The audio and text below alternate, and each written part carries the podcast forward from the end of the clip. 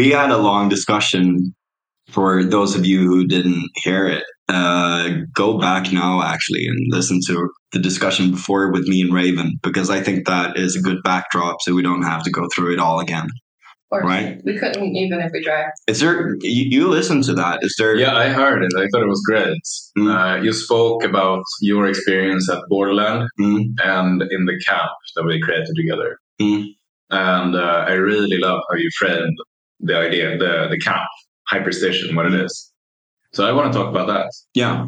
But uh, so should we sort of Just go from there. Yeah, let's go from there. Yeah, and then we'll find ourselves in different whatever, you know, let's just roll. Right. So where, where do we start? Where do you want to start? Like, you and I have talked a lot about what hyperstition is. hmm And I think that that connects to a lot of things that are like active for us now. hmm So like, um, I'm exploring Christian mysticism uh, by going deep into sort of so the Swedish church. And that means that I'm also exploring what faith means, not just conceptually, analytically, but also from the inside. hmm And that's sort of at the core of hyperstition because faith has to do with the sort of agency that you're attributing to these objects. So we could talk about that. We could also, but should we? I, I- I kind of want to establish sort of what we have in common here Yeah, that's good. because that, that, feels important. There's there I see a lot of different directions that this conversation can take. Mhm. So um, Yeah. So yeah, we started talking about those things. I think 2021, right, fall of 2021. I was in Munich. yeah, So you guys met over the internet. Yeah.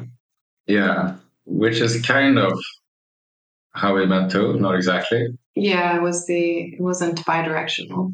Although I had seen you come up on the feed of Owen's show. Yeah, that's interesting because I, I became we sort of became aware of each other years before we actually started hanging out. Mhm. Like you and me, Frans, we we met on the internet. We had a chat, a Zoom chat, where we sort of like, as I remember, as I remember it, we had like really inspired conversations about memetics, cognitive science, probably about psychedelics too, because I've been into psychedelic research a lot, and really vibed. And then like two years later, or one year later, I don't know, we met at a, a psychedelic talk, Yeah. basically. Johan Mhm. Klen och Right. uh, Harutakis. Right, Yeah. exactly. And the politicians. Yeah, right. Yeah, yeah, yeah. And with Raven, yeah, I saw you years before I met you as well. And like, I had fantasies about meeting you. I even prepared. I was like, if I ever meet this woman, this is what's going to Oh, did it happen? happen. yeah. It did. And that's pretty cool in itself. It's pretty interesting. Yeah. It's interesting when daydreams actually manifest. Do you have a tendency to realize daydreams, though. Like, a- like the super weird way of just sort of bringing that down into the physical world. Yeah. Yeah. And I, I, I think we all do, but we're not usually conscious of doing it. Yeah, Um, that's true. yeah. And that, that's also part of the, the hyperstition thing. Um, because that project has been, for me, about sort of making conscious a process that is already happening. And by making it conscious, it will accelerate the process. Mm, That's part of it. yeah. You know? I yeah, I read it. How, do- read it? how does it connect? Right, like It's having is evidence of wanting, right? having is evidence of that. Right. So if you're in the bread line and you're like, or you're in a string of fucked up relationships, like these, these are like unconscious daydreams. And the trick is to become, make them conscious and start to work with this as a, you know, a real form of, for her, magic, genuine magic of interacting with the world. Right. Mhm. We have a, a very proximate example of this. like two days ago, I, I was uh, I was thinking like uh, it, it's been so so long since I fell and scraped my knee, Mhm. you know, like I was really visualizing, like man, I really miss having that feeling of like having like um uh, a, a scrub, a scrub, what's it called? Uh, yeah, a scab on my knee and it's dusty. Yeah, and it's like the we call disgust. We, we say scalp when it's like you know when you have like uh, small creatures under your uh, skin. Whoa. Yeah, Yeah, but the scab like a so- sårskorpa on my knee, like it's dusty. We're not playing. Uh, and now today, we, that happened to you quite pretty violently. Yeah. we went out uh, exercising outdoors. Um, and I guess that the logic behind that is that there's something in me that is longing to be outside more, Yeah. right? That like, touch grass. right, I want to Touch touch grass, touch dust, touch the ground, you know. And bleed a little bit, you Yeah. know, like step. Yeah. exactly. Thing. Didn't you cover yourself in dirt at Borderland? Uh, yeah, it's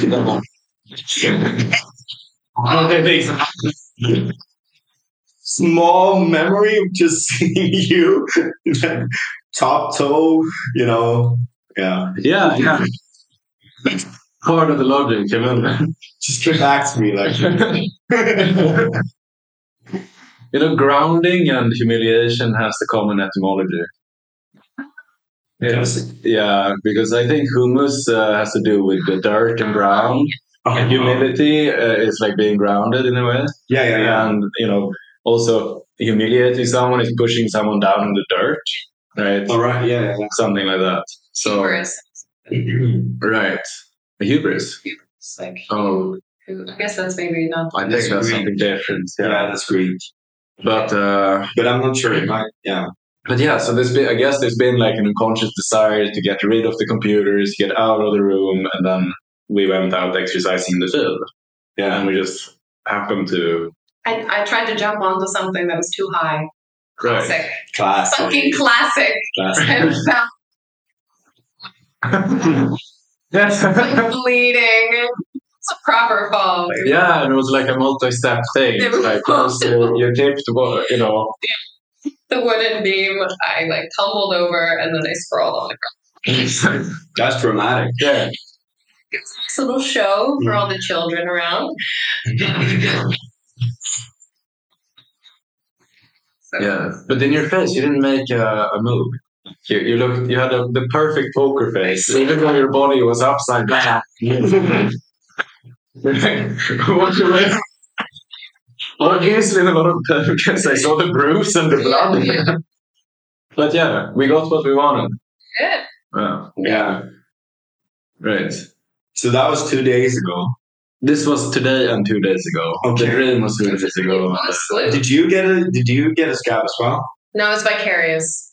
Yeah. Okay. That, that's the, that's So- another another characteristic of this hyperstitious process is that it's intersubjective. Yeah. It becomes more. sounds a bit dangerous. Like uh, Yeah. right. Did you know, me? Yeah. We're all one. Your dreams are my dreams, apparently. Yeah, dreams tend to move around, and uh, they tend to manifest when many people have the same dream. I actually had a very scary moment. Uh, that was also that was Thursday, I think. Yeah. So I was out. Um, I was out uh, having a, a jog, uh, or I, I was running in the forest, uh, as I usually do. But I just forgot that oh, you know, the sun's not up all night anymore. Uh, but I like really, really needed to get out and ground myself as well, actually um, to, and deal with some emotions and stuff like that. So I went out for a run and um, I actually had a pretty high tempo. Usually don't, but this time I was like, I just wanted to like, bah, you know. So after a while, I ran up to this old, like, the, it's basically ruins from an ancient fortress, and it's on on a mountain. You have a great overlook over the um, uh, the lake Orlången. Um, so I sit there and I, uh, we had been discussing prayers. Uh, and like, you don't necessarily need to believe in God, to actually sit down and just have a pray. It's sort of more of a meditative thing, and you're like, as as as the you know the modern word for it is manifesting, uh, which I mean can be used in a serious way, but also in sort of a cliche way. But um, so I was sitting there, I was praying, and then I was like meditating, and I was like pushing my hands down, like grounding myself and I hear voices in the forest. I'm like, what the fuck? I, you know, but I was listening to some music at the same time, so I was like, yeah, it's probably just some fucking noise, uh, or maybe it's some animals. So I go down from there, and it's you know I've been sitting there for quite some time. So the sun uh, has you know gone, you know it you know it moves pretty fast now. So Yeah. Uh, and it's not pitch black, but it's super fucking dark. And I'm running in the forest, and I'm like trying to like see where I put my feet, basically. And I'm in this, you know, deep forest uh, part where it's like the trees are just covering the sky, so there's no light. I, I can just see barely the contours of the ground where I'm putting my feet. So I'm like, I'm having a lot of focus, and my earbuds are dead. So um, uh, I'm, I'm running and, and it's silent, and then I hear the fucking voices again, but this time they're closer. so I and I'm like, I'm like, is this a deer? Is this a demon? Uh, Are these gypsies living in the forest? You know, I don't fucking know, but I'm so stupid because like I had this sort of really, really you know, having like like a really, really spiritual moment up there on the cliff. So I was like in that, you know, modality Yeah. thinking. So I was like, fuck it. You know, it's like I had an exorcism up there and it, now the demons are coming on me. I'm starting to run. Like I, I didn't take it too seriously, but like, you know, when you're in that state, like you're in the forest, there's no one there and you hear voices, you get fucking scared. Uh, so I was, I, I had, uh, I, I, I know I was running like an, like a fucking idiot, and I could have, you know, I could have tripped because it was so dark, and I just ran, and ran, and ran, and ran. But I didn't fall and bruise myself, actually. Yeah. You just got a good scare. yeah. That's good. With your heart beating super fast. Oh, amazing. That's such a good feeling. Yeah. I I feel like that's something I'm craving in my life. Yeah. It's like just a big thudding heartbeat. Yeah. Just feeling your heart. coke. Yeah. Just quick way to do it. Some coke. Do a lot of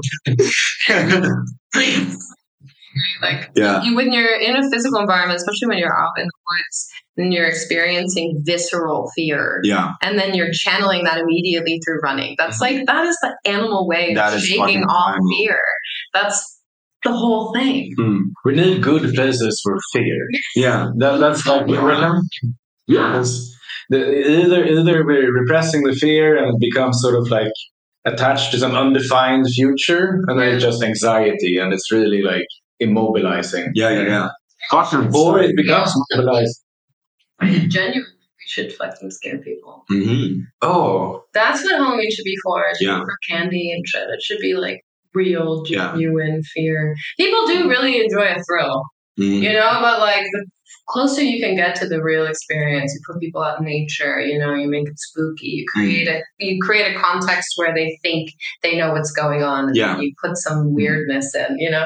Why do you think women like fear so much? Like is obsession with horror stories, murders? Yeah, it's probably a sexual thing. You think? I mean, it's like a lot of women have fallen in love with serial killers. Yeah. And that's there's something about being like wanted so badly that someone kills you.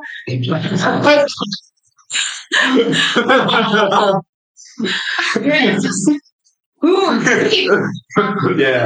it's just, ooh, it's yeah. just the unearthing of the primal It's sexuality. ultimate.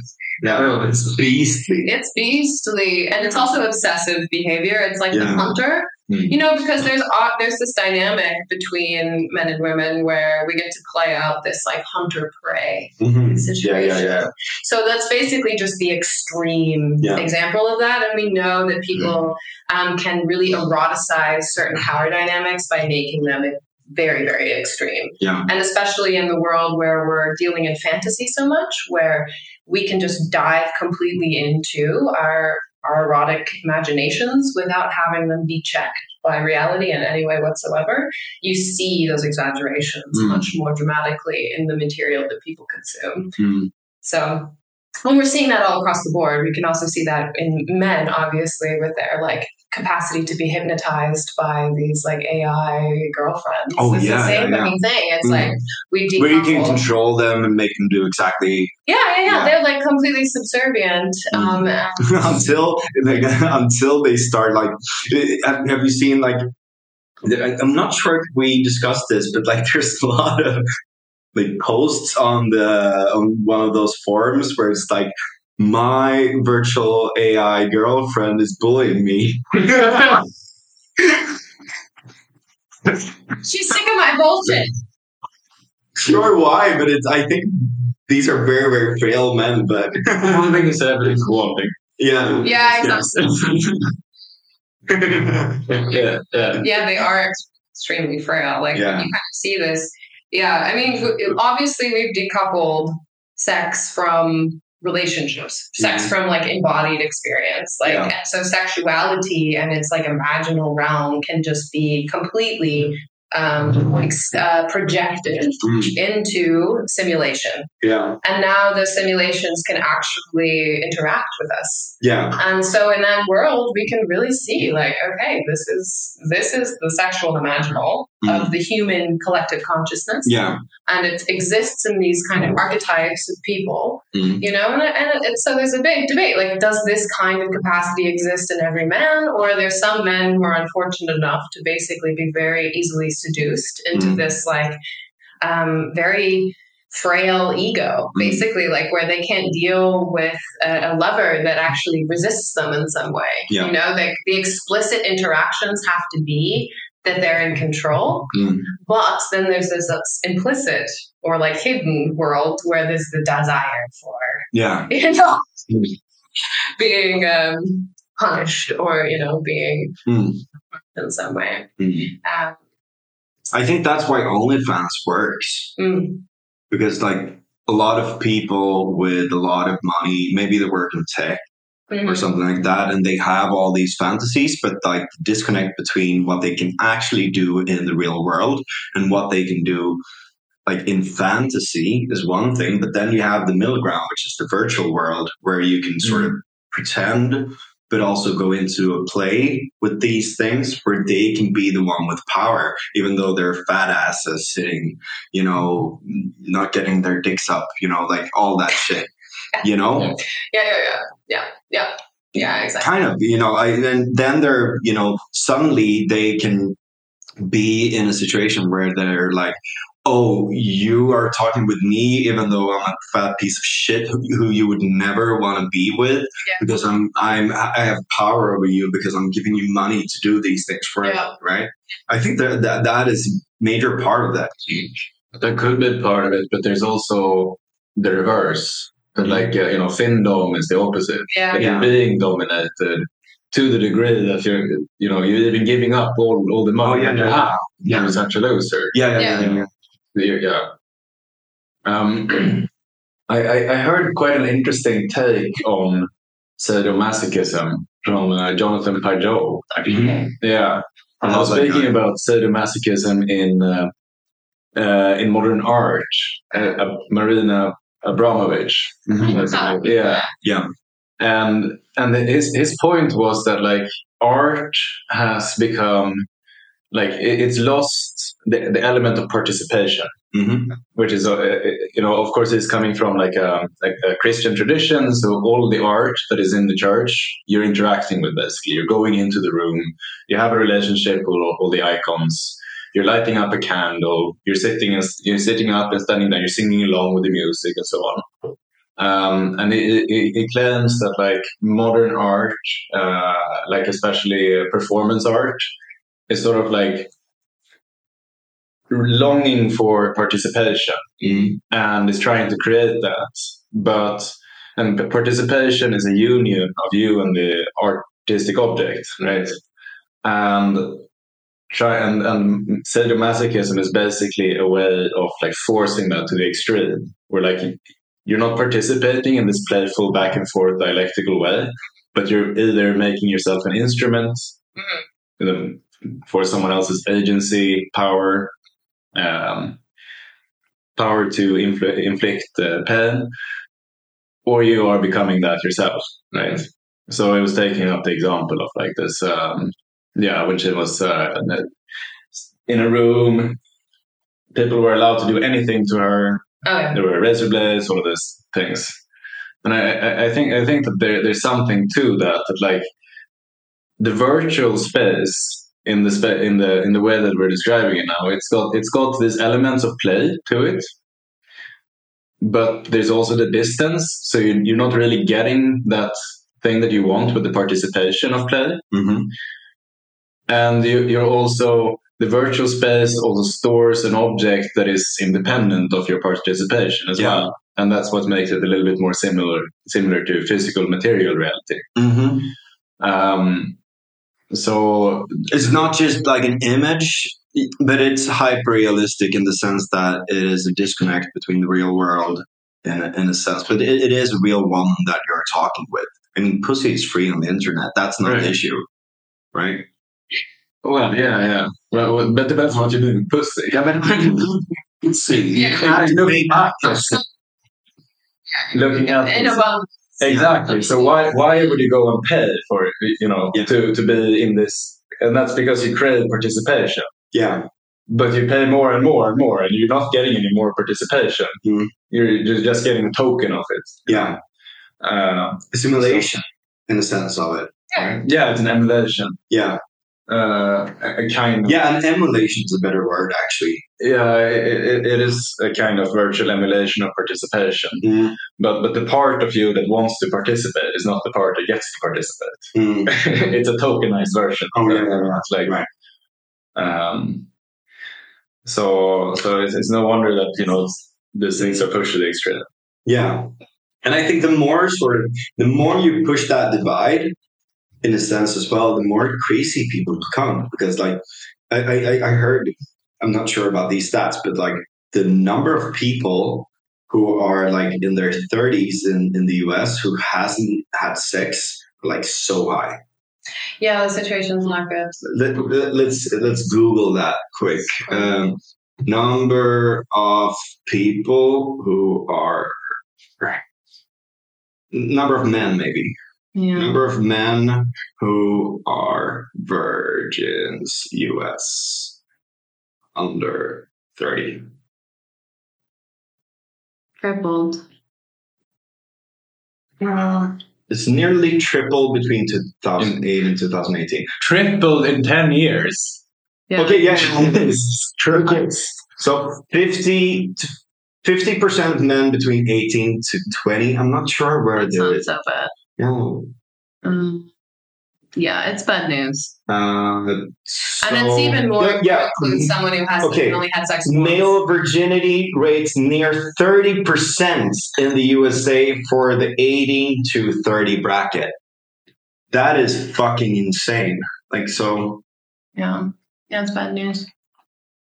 Yeah, this is unprecedented, this situation. yeah. It's, I I don't, I mean, this is, I guess maybe I said this before we, we went on. Like, right now, we're going through a flourishing of seeing all of the strange creatures that will emerge in the connection between the individual and the machine. hmm and it'll be a nice big frothing of human diversity and madness and strangeness and then it's going to be poof gone The machine will take over. no those do people will die Yeah, this is a self-terminating. It's a self-terminating Yeah, thing. these people will die Because they don't reproduce. they're not reproducing um, and then what will be left will be the people who have reproduced Yeah. um, those people are increasingly um, in like very small communities on the fringe of society they're not living in urban environments they're in weird subcultures mostly religious um, those are the people who are actually persisting onward. And then they live in kind of communist like environments where there's not extremes of, of power in the community. People share things. People often don't in, aren't involved with technology to the same degree as the outside world. Mm. There's respect of elders. There's like a continuation of tradition. Yeah. It's it's an entirely different um, uh, operating system that Yeah. actually persists through the, the digital um, colonization of the Mm. human experience.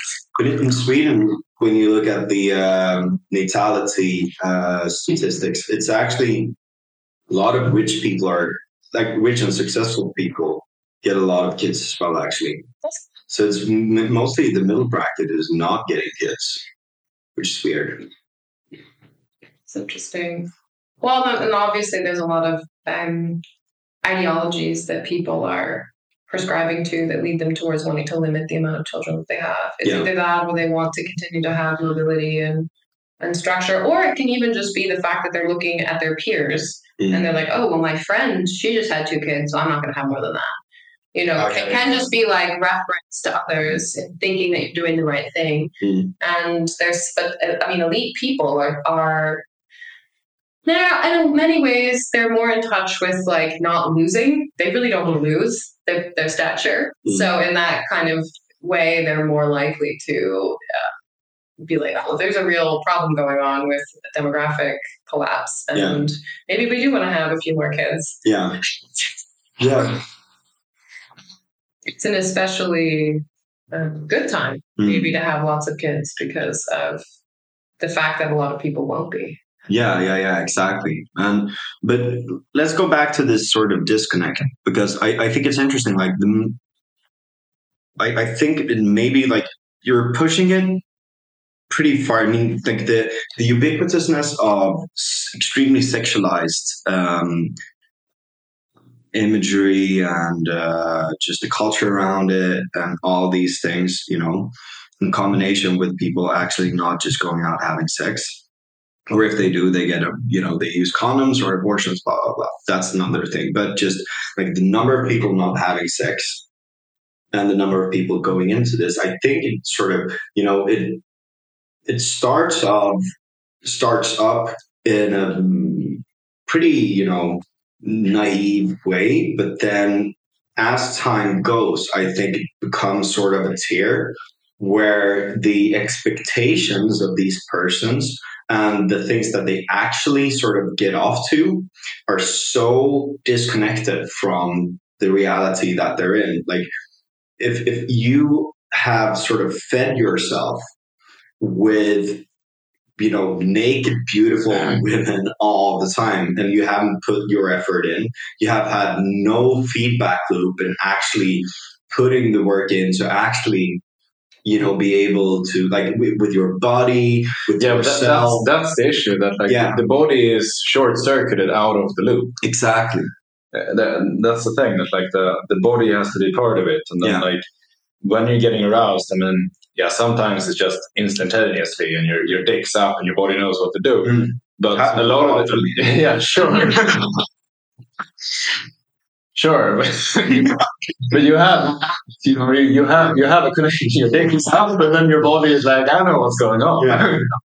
but then that habit has to be built, right? Mm. Um, and even you know it, sometimes you're not that horny, and Yeah. you know it takes a little bit of time. You have to blow on the fire. Yeah.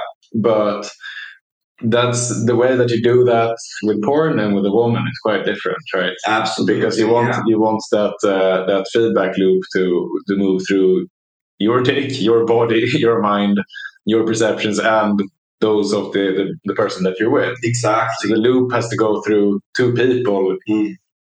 with bodies, yeah not just through a mind Mm. and a computer. and when you start overthinking when you're having sex with someone that you know it never works like that sort of kills the vibe Right. if, if you're not into like super duper BDSM, I'm gonna tell you you're gonna do this, blah blah blah blah blah.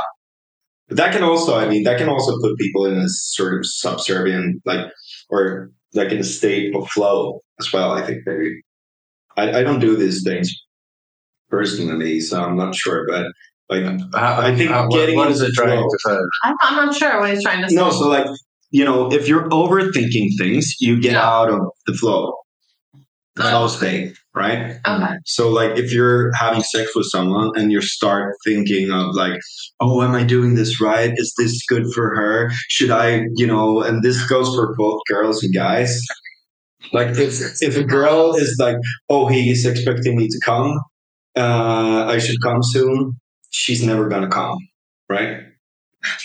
Yeah. Like, but, but it's It's because too erotic. The experience is like it's too neurotic. much. Yeah. Too weird. So and if you Yeah, never you, you can't go through a reflective process. um, No. Pointing to my head. Yeah, yeah, yeah. It's like it, No. it has to be a continuous loop Hmm. where you're like either reacting to what's happening in the immediate moment, or you're sort of reacting or like expressing what's coming from the core of your body, Hmm. right? Yeah. And if you're reflecting, Hmm.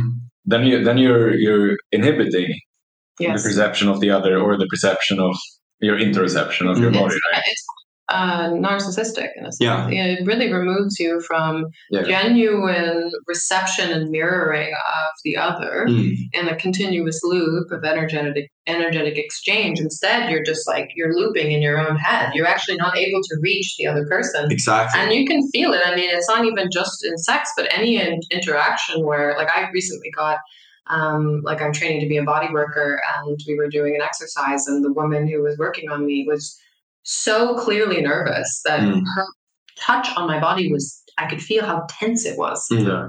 She was so tense. Hmm. And, and, and afterwards, when we were reflecting, she, she just, had so many things to say about how she was referencing herself. And Yeah, it's like yeah, I yeah. was I could sense that I wasn't there for her Hmm. she was so concerned with whether or not she was doing it right. She Yeah. wasn't actually there to serve me, Mm. and that that happens all across, you know, in, in these more intimate situations as well. Yeah.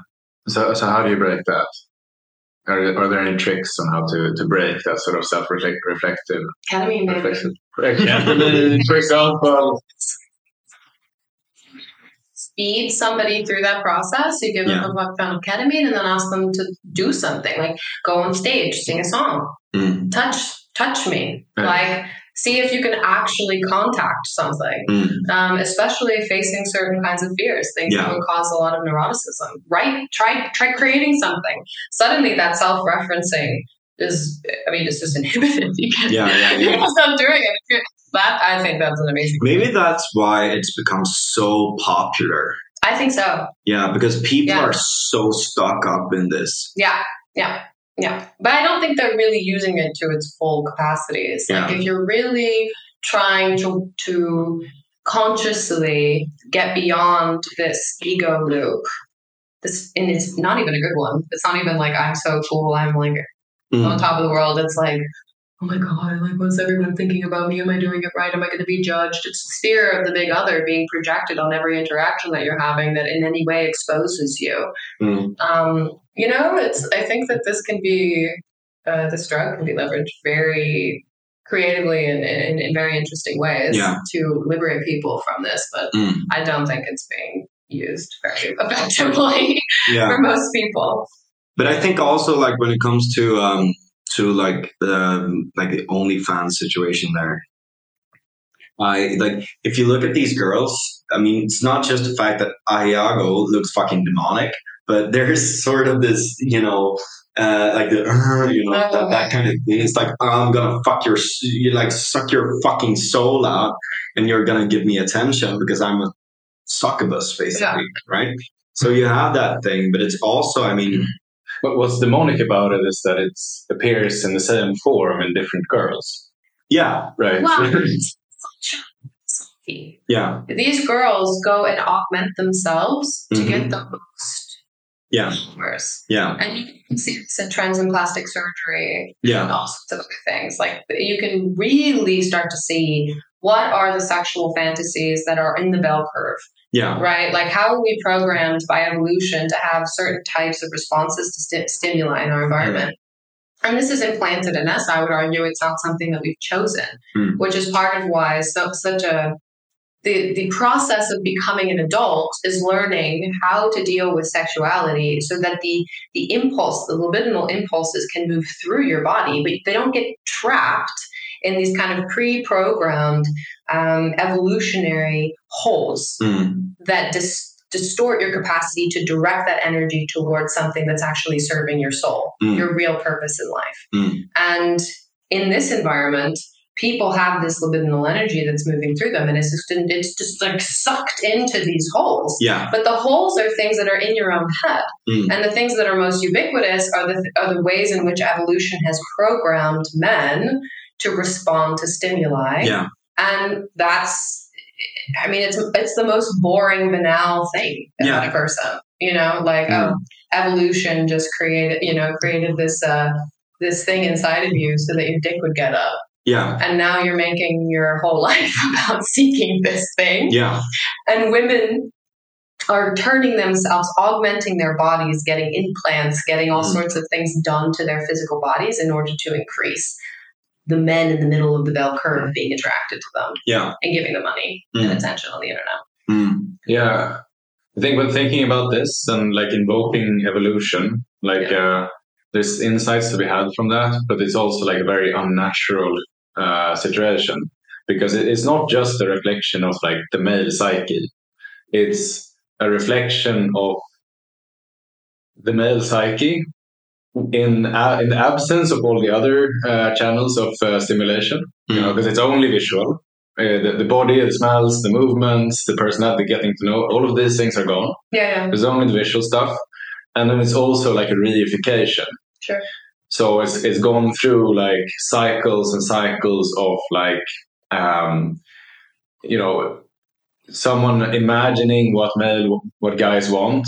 And then the guys looking at that and like, okay, so this is what I want. And then someone again uh, responding to that.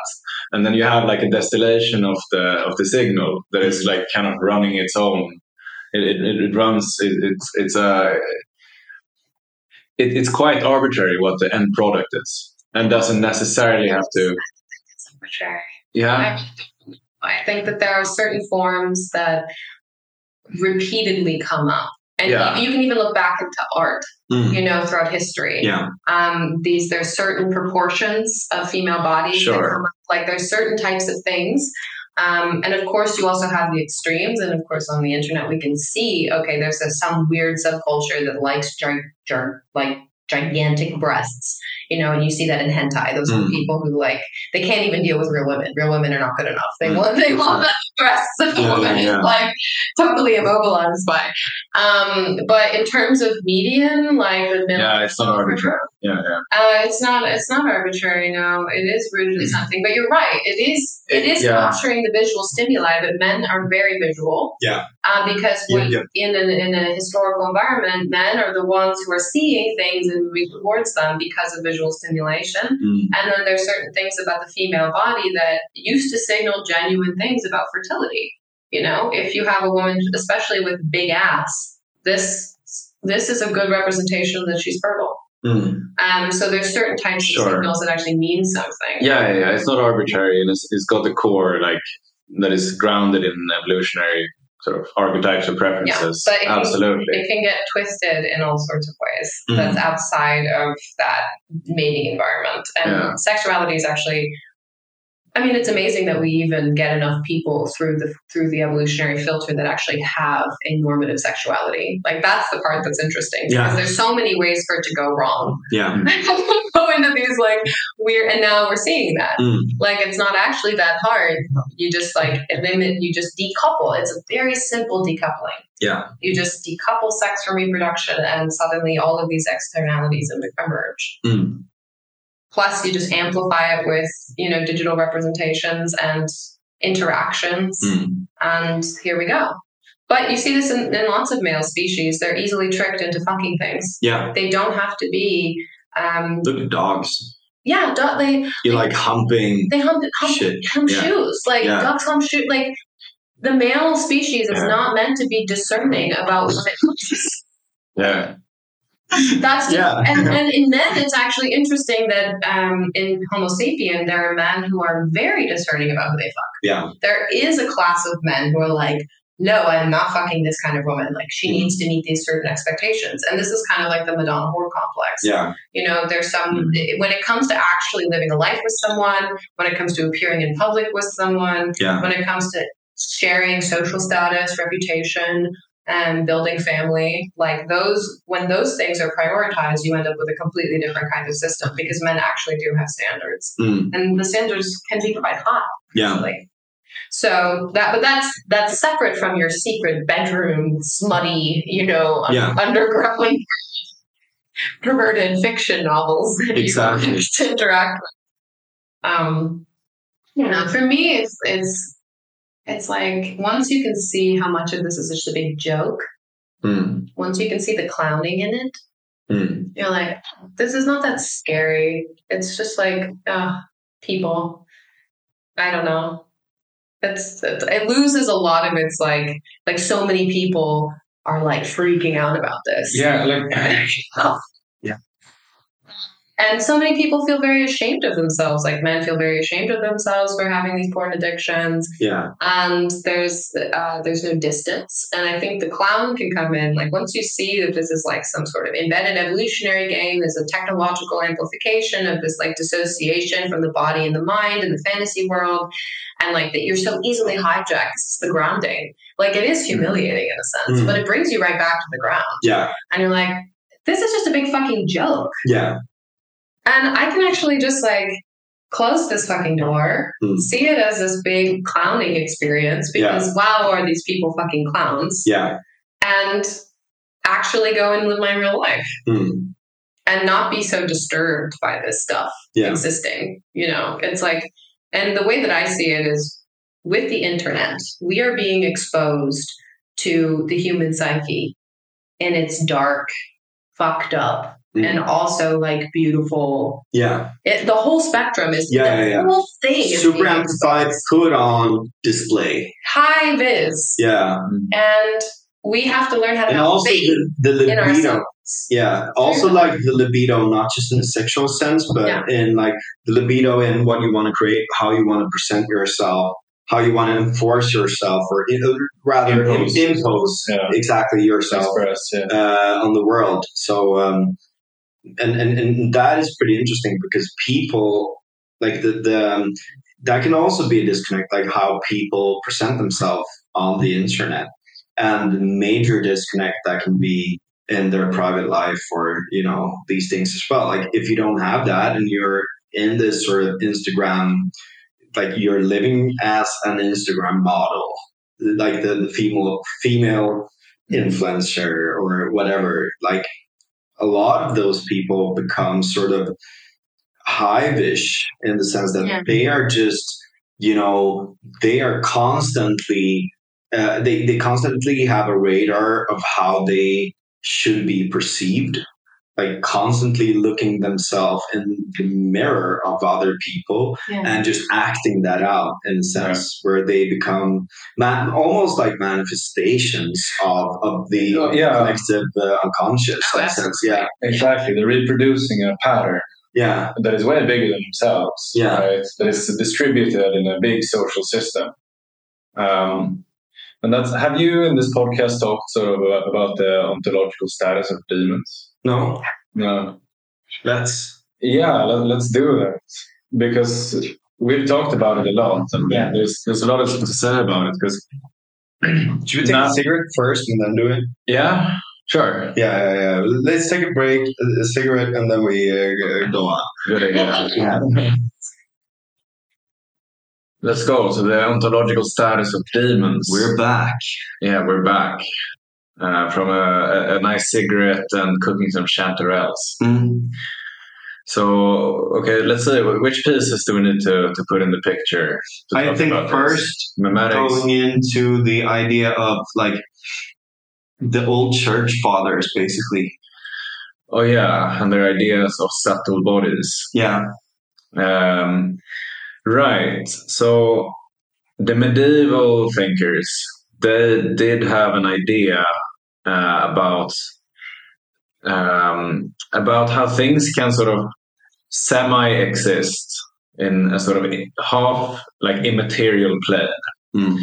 Uh, and we have sort of thrown that idea out of um, out of our way of thinking about how they were thinking because we've been quite hardcore reductionists uh, reductionists in our culture since the enlightenment but now we've started to understand emergence and memetics and how ideas actually work mm. in a much better way so the idea that something that is sort of pseudo material can exist is no longer like strange for us. So take language or information or something as an example. It doesn't have like a material body, even though we can sort of have like a materialistic theory of how information is sort of propagated. For us, we can understand that language can be sort of in some way reduced to um, the movements of our uh, vocal organs producing sound waves in a medium which is air, and mm. air is made out of material atoms, you know. Mm. Uh, but for medieval thinkers, air and light and fire and things like that didn't really have like a uh, they, they didn't have a materialistic understanding of what that is. So it was sort of this pseudo matter, energies or something moving around. Mm. So when the medievals talked about angels, for example, they would often describe them as burning, so being composed of fire, half immaterial, right? Or light, uh, or things like, or wind. Um, so we can sort of look at what they wrote about angels and imagine that these things are something that we can maybe understand in, in the sort of paradigm we have now of understanding how information and ideas actually are uh, sort of exist, you know, in sort of a virtual collective uh, mind that we have, and that they can actually have agency. So, so, so where do we start? We can we can we can speak with, about memetics. So, Frans, you, you can you can you say something about sort of memetics and how a sort of virtual agency can emerge. Yeah, absolutely. So, for uh, those of you who have, hasn't listened to me talking a lot about this before, basically what memes are is a form of virus, um, but it's ideas rather than the, the more sort of you know physical thing. And viruses can be good or bad. Like a lot of our DNA is a result of viruses. Uh, they have a mutational force. Um, but when it comes to ideas, they can be good and bad as well.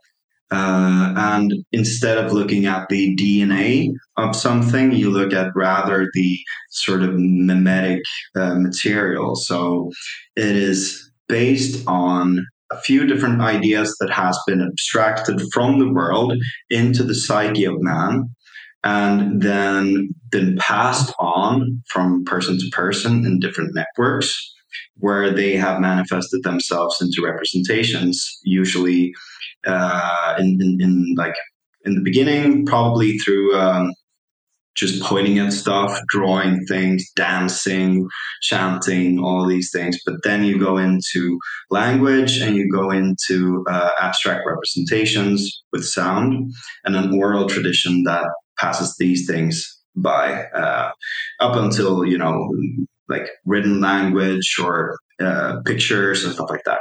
But the, the important thing here is that these representations and like imagine what it would be like to have a ritual in you know a million years ago. Like you're a tribe of proto people in a sense. I think you we count homo sapiens a few hundred thousand years but um, like so we can start there.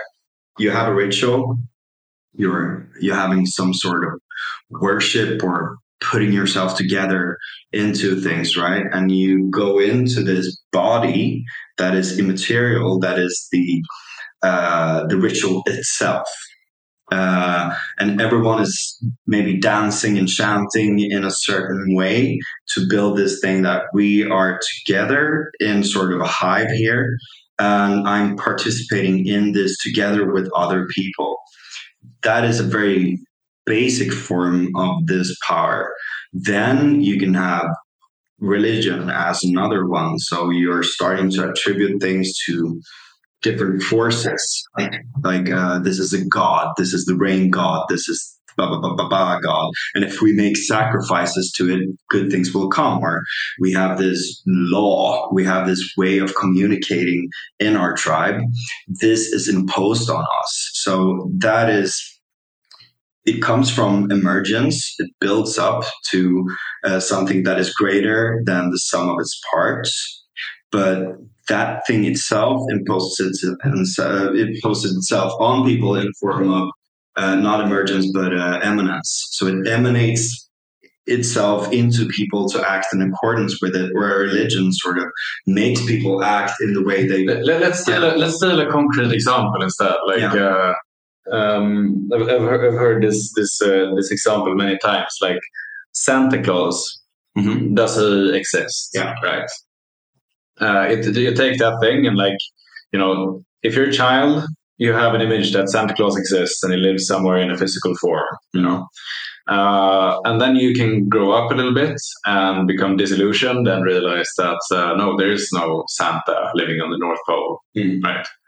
Uh, but then you can take one more step yeah. and recognize that, okay, so for some reason, many, many people in my culture is dressing up as Santa. And when I'm when I'm speaking with a person who's dressed up as Santa, I'm not really speaking with that actual person. He's not like he's not speaking about you know like from from his life experiences or you know whatever he has to deal with in his regular daily life. He's speaking as santa to you right? And is also giving you gifts. And you can make wishes and santa will be sort of the form that is delivering the gifts to you right and this this other idea of Santa existing as an agency that is not bound by sort of uh, locality. That's sort of the, the status that yes. yeah, oh, just open it. What do you mean, Mister? Like put it like that.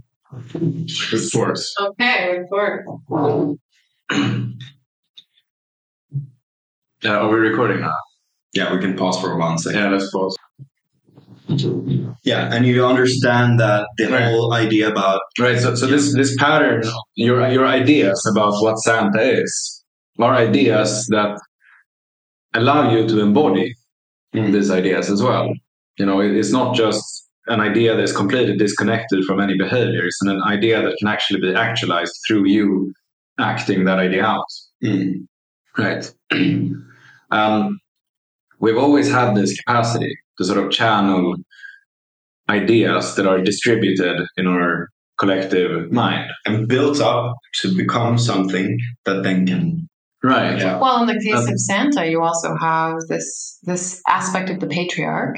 Right. Where he's embodying this quality of that there is things that are allowed or not allowed. You know, the idea of being naughty or nice. Like yeah. you've either done the things that are allowed in the mm-hmm. community that are rewarded, or you have not, and therefore you are going to receive scarcity mm-hmm. as a result of this.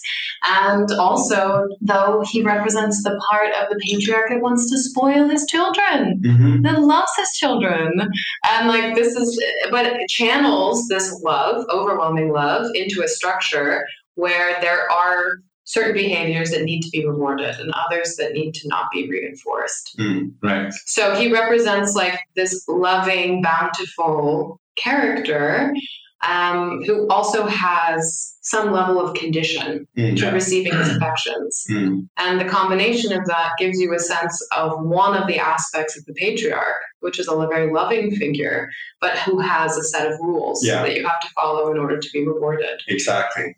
Exactly, and that, that's the patriarch's idea. As is honestly at its finest. Yeah. Like kind of the best aspect of the patriarch is Yeah. this overwhelming, loving, doting Mm. character Mm. who toils, you know, to create this abundance Mm. for for the children and for the families, but sets some rules.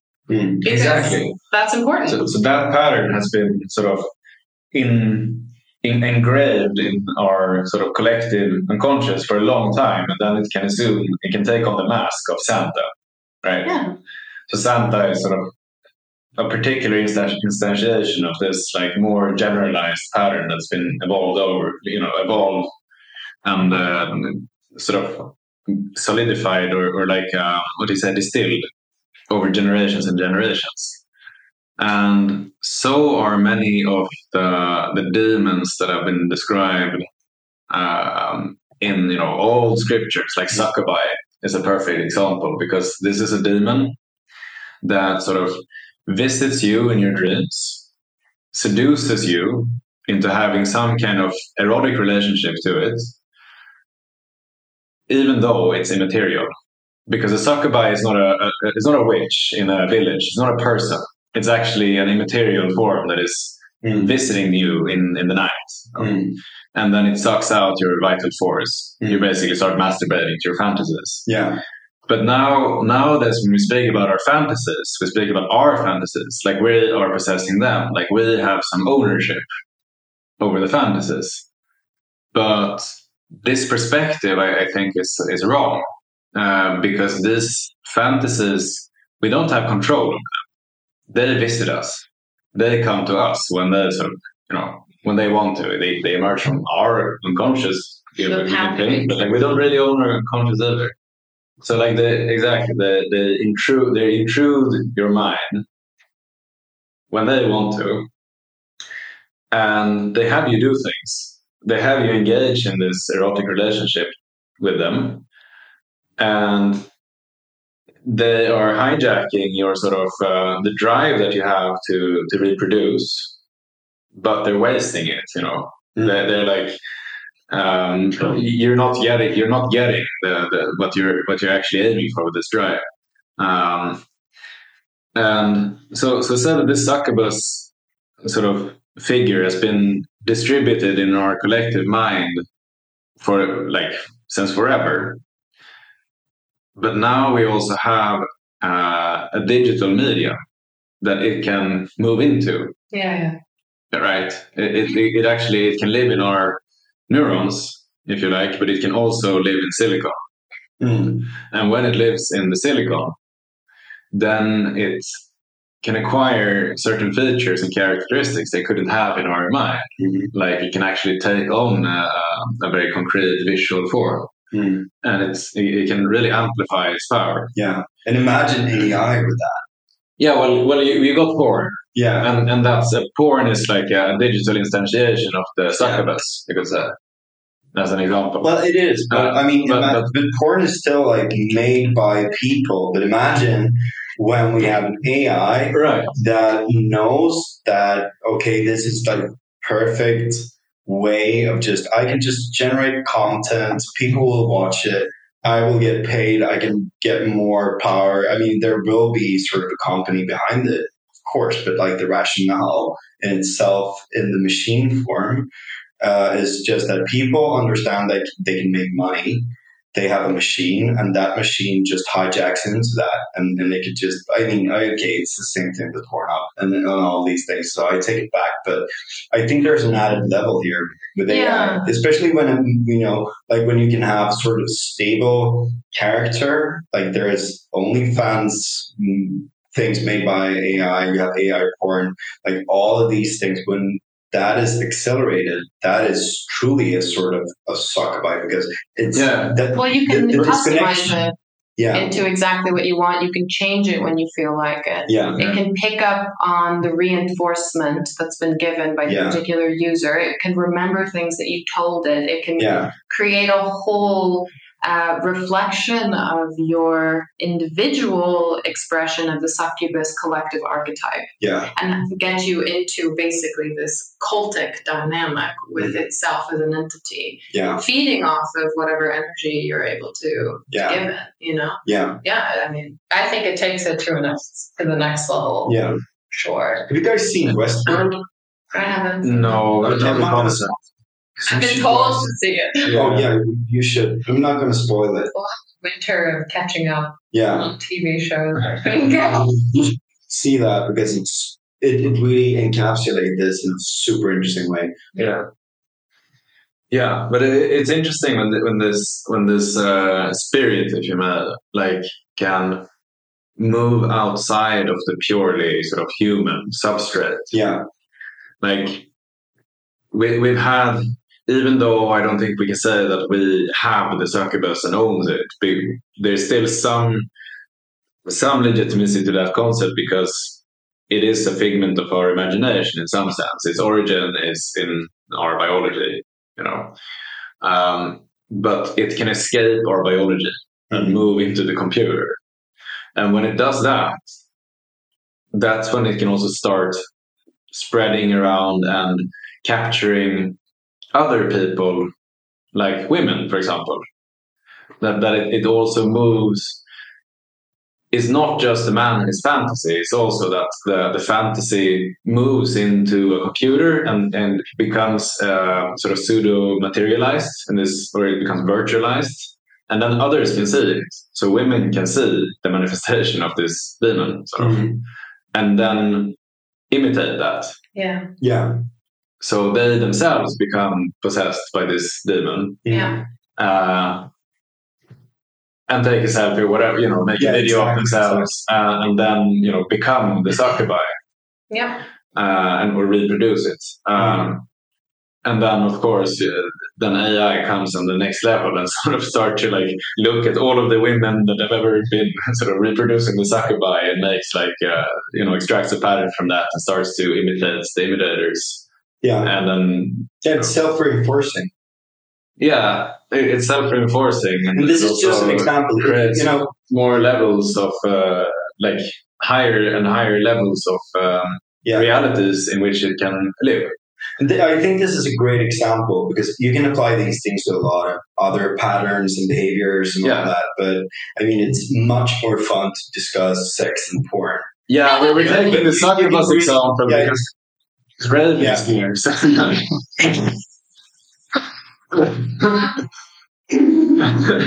no, because we're talking about sex. But like this is true for virtues as well, Yeah, yeah, yeah. which is a class of angels, by the way. Like, Exactly, Uh, exactly. Yeah, but but but I just wanted to add that because this is like demons can be in so many different forms. Angels can be in so many different forms. When you see it like this, like it's something that possesses people or guides people. Or, Right. Yeah. right, right. Yeah. It's weird. I mean, it's, what's coming up is I'm thinking about Fisherian runaway, which is a phenomenon What is that? evolutionary biology that describes when an organism basically starts to invest all of its resources in sexual selection. Yeah. Yeah, It begins to like have crazy displays and right. crazy feathers to the point that it drives itself to extinction. Yeah, yeah. Oh, yeah, yeah, yeah. Right. Yeah. And in a sense, this to me, I'm thinking about this as being this whatever this little succubus thing is. Like it may be that other species have it. Right. Yeah. right. Yeah. That there actually is something like this weird. I mean, this is the thing about evolution. Ah. It's a cheap programmer. It builds on previous previously Exactly. existing architecture. It just tries to convert it. Yeah. and that there's this place in the vortex where if there's like the the the creature is in the right context Mm. where there is an alleviation of certain kinds of pressure Mm. for natural selection to continue to occur then this, Yeah. this starts to happen and not and we're in it just like species are there's Yeah, plenty of species especially birds who tend to invest a lot in There's a This very is- fun example with like there's spore, I think, with Yeah. tusks that goes up a lot and then they curve Uh. And that's like the big dick thing to have really big tusks. But uh, you know, sometimes these tusks they grow so large that they penetrate the skull and kill the boar. exactly. connection between sexual Right. have existed, you know, since sexual dynamics were created. Yeah. Um, and the fact that these two things kind of go in in directions that are copacetic to some degree, Yeah. but then sometimes, depending on the context, you end up with a species that gets completely inhibited and totally destroyed Yeah. by sexual by sexual displays. Mm. And it seems to me that like that's part of what's going on with humans. Yeah. And we can we can look to our evolution as like and, and look to other species that have died, be like, yeah, we're in the same boat, y'all. like, Yeah. Yeah. And this It's is why just a bit more complex. It's but- really complex. We're complex creatures, but Yeah. pretty much the same. Yeah. Yeah. and this is why also need the cult, uh, like the cultural layer that can also, you know, be, be sort of collective engine for sexual discernment Yeah. as well. We need the mind dialectic. The pitfalls of evolution. Yeah. Like it's because humans are actually smart enough to be like, oh shit, there are all the, especially as we scale society, as we make ourselves more isolated from nature, as we change the dynamics of natural selection imposing itself upon us. Yeah. We need culture to come in to provide a kind of pressure in, res- in response to the alleviation from nature Mm. that puts people into a certain kind of environment that they don't go into these runaway Yeah. dynamics. And that's the thing that these birds don't have. Yeah. You know, these birds just find themselves in a certain environment and they just run themselves into the ground. Yeah. They don't have culture to be like, whoa, whoa, whoa, Mhm. maybe we should stop doing this and believe in something else, like believe in renunciation. Okay, we- Exactly. we, don't invest more in our feathers. We, we give up this thing. Yeah. But humans can actually be like, okay, whoa, whoa, whoa, like, What the fuck's going on? we, let's renounce things. Because if we do that, then maybe we won't fall into these Yeah, Yeah. holes. yeah. But And the the interesting thing about about this will develop their own uh, sort of uh, Sludge. religion. Sludge. You know, I, I pluck the best of my feathers and Yeah! sacrifice it to the bird god. You know? Exactly. But I, I think there's an interesting aspect of culture as well, and uh, that it's um, it is like an emergent layer beyond evolution and like material evolution in Yeah. the sense that goes so much faster. Yeah. So it's like evolution. I mean, the, the, and, and that's the I think the raison d'être for for memetics in general. It's it's that it really is evolution, but in another substrate, which is the uh, the network, the social networks of, of mankind, and like given given the right sort of bandwidth, this is fucking- this is what my my thesis was about, but like giving bandwidth and like a lot of other different aspects. Like those things can really get amplified over time when you make new memetic infrastructures that makes it easier to communicate with larger groups, et cetera, et cetera. That Yeah. that really just Information tech. amplifies this structure so much, and then we have now we have predictive AI and we have generative AI and all these things as well. That is, you know, even you know, even you know, just accelerating and accelerating this even more. Absolutely. Um, and and yeah. Yeah. so Will, I think as you said, like the the meeting between the machine and the machine is old. I mean, the machine. What, what built the pyramids? It was the, that people organized themselves in machine-like ways, right? Lewis Mumford and the Mega Machine and all that. But uh, so that's kind of old. But like the, the, the fucking huge impressive machine that we have today is so much more uh, it's so much stronger it's so much faster and it creates all of these it's sort of like all of these things are just popping up because things are going so fucking fast in culture Yeah. and in discourse and in, in, in trends and, and like Yeah. there's a lot of mutations that comes from that as well Yeah. Yeah, there's so much of what you just said that I'd like to respond to. I don't know if you have anything to say. sure Go for it. Okay, Go so, for it. so basically there's I sacrifice the best of my feathers. Yeah, well, so basically, we have something unique that happens um, in kind of the dawn of the Enlightenment. There's this particular situation. Lincoln talks a lot about this, where like zero arrives in Europe, the printing press arrives in Europe. Mm. You basically end up with a failure of the religious containment system. You end up with a failure of the cultural authority to contain intelligence. Mm. And once this rupture occurs, you can't put it back in the box. Mm. And then it just starts accelerating. Mm. And, and this is where we are today. We're at the kind of uh, we're at the peak of this acceleration of intelligence in the system. But in all previous eras of history, religion was capable of containing intelligence. It was capable of keeping the pressure on this highly dangerous kind of laboratory environment. And the priests kept the information Mm. undercover. Mm. Like there, there was the invention of the steam engine in ancient Egypt. Mm. Did they think about putting tracks and Mm. using it to replace human labor? Absolutely not. It was just a wonder. It was just a Mm. marvel. Yeah. So there have been all of these moments in, in the evolution of culture where things that in the industrial era were used to create this assemblage of the machine were not used at those times. Mm. And the containment structure was the religion Mm. because the culture isn't always moving fast. Mm. The culture the culture is actually something where as society scales It can be inhibitory as well. it- Absolutely. well yeah. that is the that's the part of culture that's important. and it's the same thing with the brain. Yeah.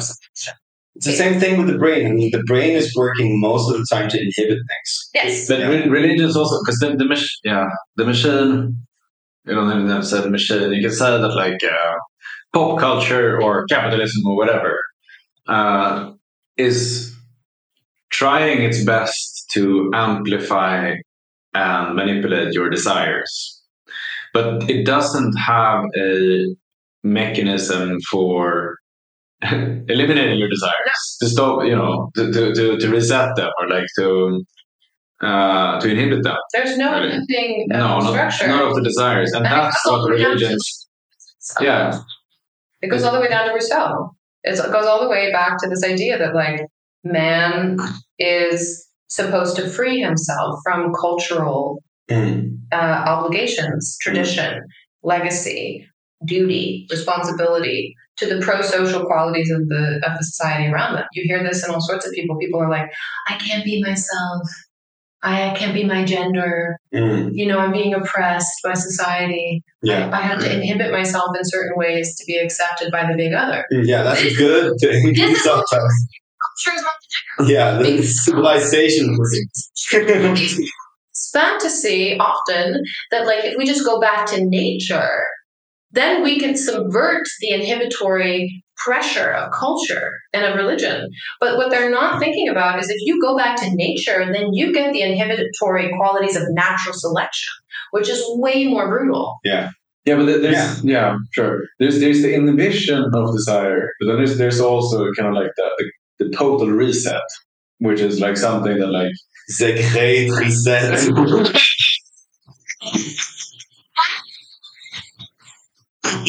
oh, contemplative traditions, mystical traditions. Like I'm, I'm talking like Buddhism and like uh, Buddhism, Bu- like booty. like Buddhism. just like Buddhism. no, but like they have this idea of like okay, stop desiring. Yeah, Yeah, get, get it as close to zero as you can, yeah. and then you know like The uh, opposite Then when I your, your desire comes back, then it will be more true. Yeah. And, and, and, and I think that that is a fantastic mechanism that we need quite often. It's like a solution to our sort of stopping problem of our desires because like our desires tend to attach to proxies of the desired object. Right? If like if like the ultimate telos of, of uh, being horny is to get uh, kids, then but but but our desire can attach to like a computer screen. Yeah, The computer screen is a proxy for the actual object. Yeah. Right? Um, that, that, that's a form of like idolatry. it is idolatry. It is idolatry because you're worshiping something lesser than God, lesser than the ultimate telos of your desire. Right? Yeah. Your desire is it's really it's aiming for something higher, but it has to in, in order for it to actually drive you forward it has to attach to some kind of gestalt which is lesser than the actual thing that it's aiming for Yeah. because you, you, you can't reach that um, you can't have a representation of the real thing ever Yeah. so you get like a reduced concept that is supposed to represent the real thing and your desires can attach to that and when they do that too much, then you will sort of loop and never really get what you're supposed to get.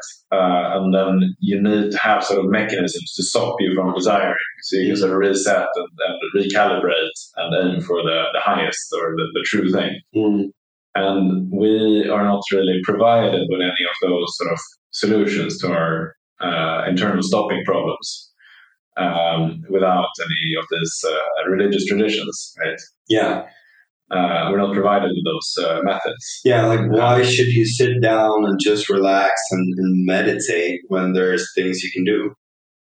Like Things you can consume. Yeah, yeah, yeah, exactly. Like your phone's like buzzing all the time, and like there's a new funny video every point, point, point, point, point one second being uploaded. Uh, like all of these things are just like craving, and then the attention economy in that as well. Like not having any sort of immune system against the attention economy. And that's why we need a good test for fear. Yeah. We need to fear the computer, the demons in the computer. Yeah, Right now, we're just sort of passively seduced by them. And yeah, we're like, ah, it's not so good, and you cannot do it anyways. yeah, Uh, and we're, we're like sort of immobilized and depressed uh, in relationship to them, yeah, and kind of don't want to think of it. But if we fear them, yeah. then we're mobilized to get the fuck out of there. Exactly. yeah. Movie stories, you know, of like uh, all of the demons in the computers. We Yeah. need all like no, like we need, we need to tell ourselves like really scared. Like we have to have horrifying imagery that Maybe. represents these demons that are. I mean, the most impressionable category, You're shaking your head. the most impressionable category are young kids, and those are the ones that we need to protect, right? I mean, old stories like old days when grandma was like, if you go into the woods, I mean- a werewolf will come and fuck you. Yeah.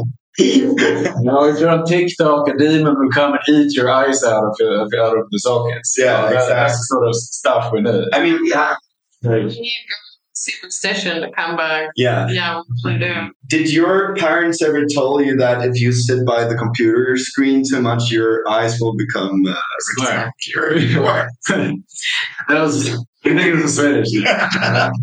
yeah. It's pretty funny. Yeah. It would have been better if they were like, in the TV, there's a demon Yeah. that is eating your eyes as you're watching. Yeah. it's like literally sucking the life force out of your own, you know, creative imagination. Yeah. That would be better. Yeah, yeah, yeah. Actually, this is a great idea. Can we make it with, yeah. Horror stories. of horror stories about technology for Yeah. their children. Yeah. This is a great idea. Yeah. Can, can we not make it about the Jews this time, though? because it's so blasé blaming the Jews for everything, you know? Uh, it's actually kind of funny. There, there was this um, schism on uh, on right wing Swedish Twitter uh, recently. Um, like the, the, the, the sort of far side. I think it's pretty fun to, to watch those guys.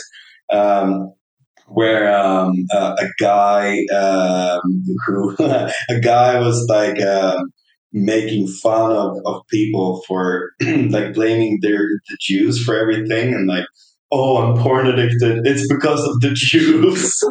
And like all of that shit. And that's like it's so funny like how people rationalize their own you know And weakness. putting no effort into thinking at all. yeah Like that's just taking two things you don't like and smashing them together, yeah and then thinking that that's thought Yeah. or like a, an opinion that's Yeah. worth having. It's not. it's not Sorry, guys.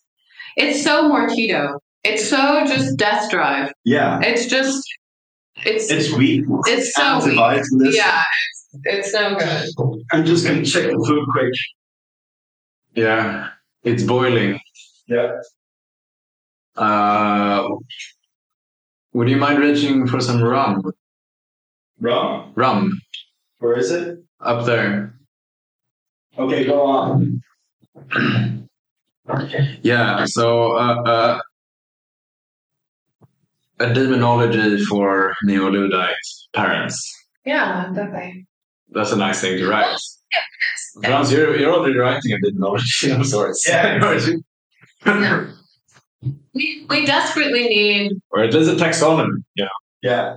A taxonomy with it. taxonomy of demons. We desperately Yeah, need some sort of cultural structure that's putting inhibitory pressure onto people's behavior in a collective manner.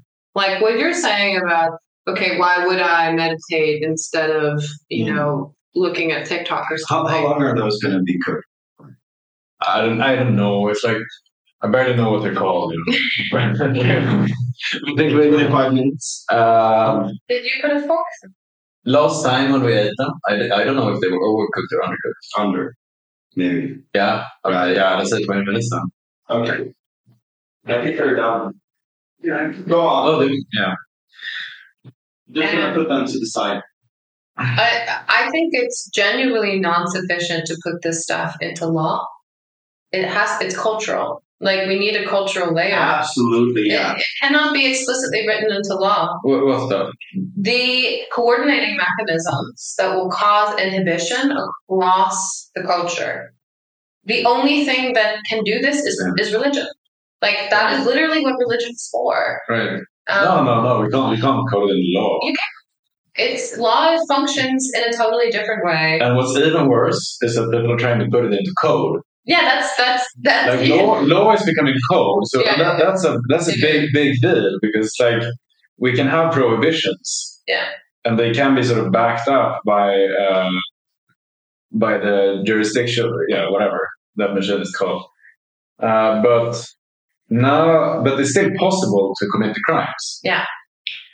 But when we're putting them, putting these laws into the code that is governing our digital systems, Yeah. then it's not possible to break the crime. So, like the example of self-driving cars, like yeah, it's not possible to exceed speed limits. Yeah. Or like, um, you know, I got these things in my headphones now that, like, if I turn up the volume, so before it hits maximum, it gives me like a warning. And I'm like, I'm on You my can't- bike. Well, yeah, you can't do that. So, and I think that I'm at least allowed to like, I, I can press, uh, well, I want to do that anyway. So press OK and I put up the volume. I just have to stop my bike for doing that. You get shamed first. It's like Right. the postmodern parent. It's like, well, you can do this. If you We'll get very disappointed if you do it. And you should want to. You should want to have. Right. You know, like, have you heard about the postmodern parent? Oh, So it's like it's Zizek. So, so he, he says basically like, um, you know, in the old days, you uh, your father was like, you, you go to yeah. go visit your grandmother no matter if you want her. I don't want to Say say if she wants you there. No, no, you have to do it no matter what you want. Yeah, yeah, yeah. But the postmodern parent is like, you should want to visit grandma. Yeah. Yeah. you don't have to, but you know she's very sick. She would really like it if you were there, and like Yeah. you know, and and then that's a lot more tyrannical because not only do you kind of have to do it, but it's also you have to want to do it. Yeah. Yeah, yeah, yeah. So so you can't even you know. Oh, own- yeah, yeah, Yeah, it's a bit more feminine. yeah. so- It's Have you heard of explicit. and- It's more implicit for sure. Yeah. what's that? Um, Have you heard about fem- like if Hitler was a girl? Uh, He's basically a girl. oh yeah, he's very dramatic and he's serious also. Yeah, but It's like a genital cyclops. I, I, I took this up in, in the last episode, but uh, I think it's such a good thing. It's uh, a, a, a funny, funny, like a funny comedian here in, in Sweden. So it says like if Hitler was a girl, um, he'd be like you know standing there in front of the whole German people. You know they've gathered and they're watching him, and um, he's standing there and he's silent and he's like a bit avoidant, and they're like, "Yeah, what's wrong, Hitler?" You're, you've been standing here. Are you supposed to say anything? No, it's nothing. It's nothing. Come on, Hitler. We can see something's wrong. Something's wrong. What you know? What's wrong? No, it's nothing. Okay, there's one thing. it's the juice. You know, I'm not angry, but I'm disappointed.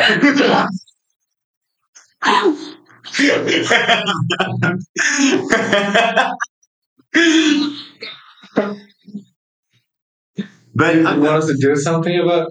No, no, no, and then it's fine. Like, yeah, you, you can definitely have like a it's okay. Don't do anything. you can mobilize them all in that way.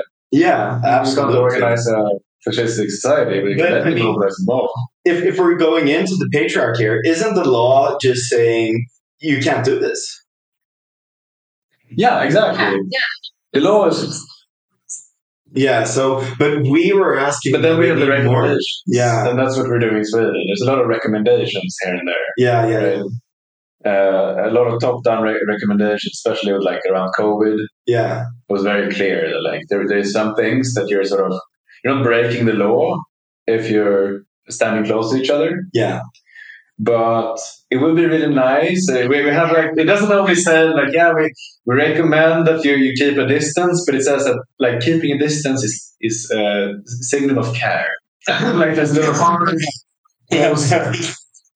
Distancing is caring. There's a lot of both. Yeah. Yeah. But isn't that sort of better than the fucking lockdowns? Yeah. yes.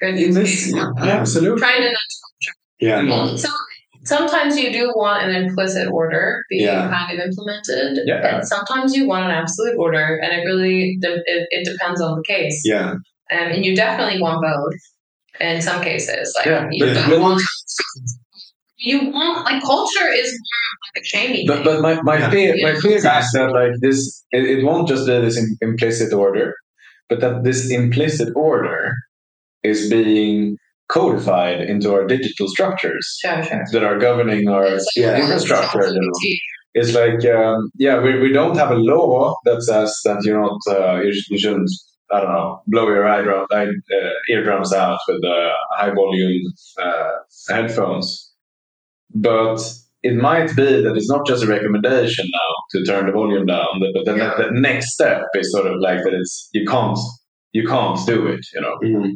it's definitely like that with the cars. With the cars, we have a law that says you can't surpass the speed limit. Yeah. But but but I mean, So like to know sort of when you're when you need the patriarch and when you need the matriarch or like the the uh, sort of uh, gynocratic measures or the androcratic measures. Right? t- t- take how the social media so social media platforms are governing hate speech or Yeah. stuff. You know, a lot of the restrictions that they're placing on us are like they're not they're not backed up by law. It's not like that it's illegal. It's just that they don't they don't want it. They don't allow you. They don't give you the possibility to break these rules, Yeah. regardless of what the law says. Yeah. Yeah. It's just part of the infrastructure. Yeah. Exactly. And, and and this is the thing. That's when it's not just implicit anymore. It's actually that the implicit things are coded into the structures that we are in. You know, Yeah. and uh, that's uh, I think I think that can that's already like pretty uh, tyrannical. Yeah, because it, it, it really brings out like, anxiety in people, in a sense. I think like or frustration. Like Yeah. Yeah, when the rules aren't right? clear. Yeah, sure. Yeah, yeah, But there are also just some things that are sort of impossible or unthinkable on the internet. They're impossible. of course. Yeah. You know, and then that's where you need to step your foot down. But I, I think like the, the frustrations there, also the anti-fragility part of it. If you don't like, if the internet's going to become this um, safe space and keep on going the way it is, it's going to be Yeah, I fucking don't think weird. Did you just say that safe space is the internet is not a safe space, everybody? Yeah. Uh, the internet is Uh, the wild west of Yeah. human perversion. Yeah, um, and it's only going to get more so. So, Yeah. like, if anything, I think um, what we're going to see is an acceleration of the the fictionalization, the like illusionification of the internet. People will just know that the shit on there is bullshit. yeah, Like the real thing that might be lost with the internet is the fact that you used to be able to, and still to some extent today, can get true signal. You can get grounded information from other people from across the world yeah, that value is being encroached upon by what's happening. And that's the thing that we may lose. The internet is filled with illusion and fiction and playfulness and all Mm. sorts of fantasy. And and that part of it is is growing exponentially. Yeah. The part of it that's identifiably true signal is is losing its traction. Mm. And in that world, then the true signal, the real information, the stuff that you actually want to know about reality in order to be oriented is going underground behind closed doors. Yeah. You won't be able to find it in the public arenas. And that's, I think, already genuinely the case. Like, Yeah. even listening to podcasts with high level people, like, you're getting the tip of the iceberg of relevant information Yeah. most of the things that are important are not being said in public. And if you want to get high signal to noise ratio, you need to pay. Yeah. And you need to know, Y- Yeah. listen to. Mm. And this is You only need, going to, to you need to have a social capital. Yeah, it's that's all social about- capital. It's now. not, yeah. Some, yeah, a lot of things are behind paywalls. Yeah, But but the most important things aren't behind paywalls. It's behind like Social walls. Yeah. yeah, social Yep. walls that like uh, Yep. you know Yep. only a few like 200 people are allowed to be on this emailing list Yep. or in this WhatsApp group or this forum, and they kind of some of them know each other, have been meeting face to face, and then Yep. there's a lot of just you know recommendations, but but it's a closed it's a closed and sort of sometimes moderated, but like more pseudo moderated or like collectively moderated Yeah. Group. And I think Mm, for some people, it's going to go even further to being like we we have some things that we really only talk about in person, where our phones are out of the room, and it's really just nervous systems in the room uh, Yeah. reporting on what things they're seeing in the various places where they live in the world. Yeah. Um, so it, it's it's turning in on itself. Like anything that you can find online, anything that you can pay to know, you better bet is not the full story Mm. and you have to work on your on the ground social networks in order to really be tapped into what's happening. Yeah, Yeah. I'm quite happy about that. I think so. I mean, I think Um, it's a good development, but you can see that there's this bifurcation It's like- reality. It's Tower of bifurcation because it causes an elitism, Right? It, it's like Yeah. the Tower of Babel, Amplifies elitism. Right? The Tower of Babel. Uh, in, in what sense? But yes, but in what sense? What do you mean? Yeah, but like, so basically, we tried to build this great fucking tower to connect everyone on Earth Uh, to yeah. yeah. the sky, and Then it and yeah, and, these camps. Yeah. yeah. Now it's just fucking noise, and people are Yeah, talking in ways where they don't understand each other, and a lot of people are just literally just speaking bullshit. yeah, Yeah, yeah. yeah. and then And there's the fragmentation uh, and people speaking different languages and so. on. Yeah, Uh, absolutely. but like, I mean, it doesn't need to be different languages in the sense of like, um, you know. I mean, both parts can speak English, but I mean, as, as we've been talking about, it's No, impossible to live in yeah. the U.S. today and to have. I mean, like you're either in one camp or the other in, in Yeah, yeah, ways, right? yeah. You Yeah. can't really exist as a superposition of both. I would Yeah. argue I'm a superposition of both, Yeah. but like I can't. Enlightened centrist. Yeah. Yeah. not. Yeah, if you get into the nuances of these things, like if you, I I really like Bryan Caplan's. Yeah. Um, I did actually. you did. Yeah, Oh wow, I he's, got dinner. he's really yeah. he's fun. he's fun. But his idea of right and left, I think, is brilliant. Right, like left is antipathy antipathy towards the market. Mm. Right is antipathy towards the left. Mm, And when you see it that way, you're like, oh, this actually kind of explains the crux of whether or not you're on one side or the other. yeah, Because in a sense, there are right leaning people who have antipathy towards the market, Yeah. but their greater antipathy is towards the left, and Yeah. so they're right.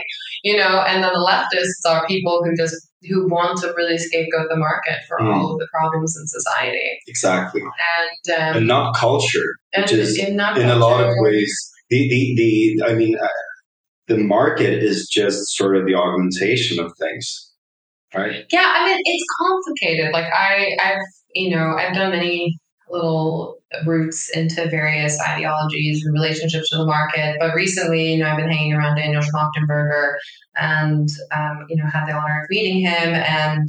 In you know, in his presence, you can really see okay where the market goes wrong and where it, this accumulation of externalities in all these different aspects of society based on the over optimization of certain functions and the privatization of gains and Mhm. the socialization of all the externalities of the rest of society Yeah, yeah. that when you compound this into like a globalized economy with immense concentrations of power Mm. and, and that there's a very small amount of decision makers who actually get to hold the levers of power and then you don't have a government or a religious structure that those people adhere to that mean that they're thinking about how they're living in a, a closed basically a closed loop if you think about the whole planet we have a Mhm. finite planet we have finite resources and there's a lot of commons that has to be managed. And Mhm. it's this gap between the nation states. It's like these global dynamics where there isn't some sort of coordinating mechanism that holds the whole planet together, Yeah. where you get the global catastrophic risks. Yeah.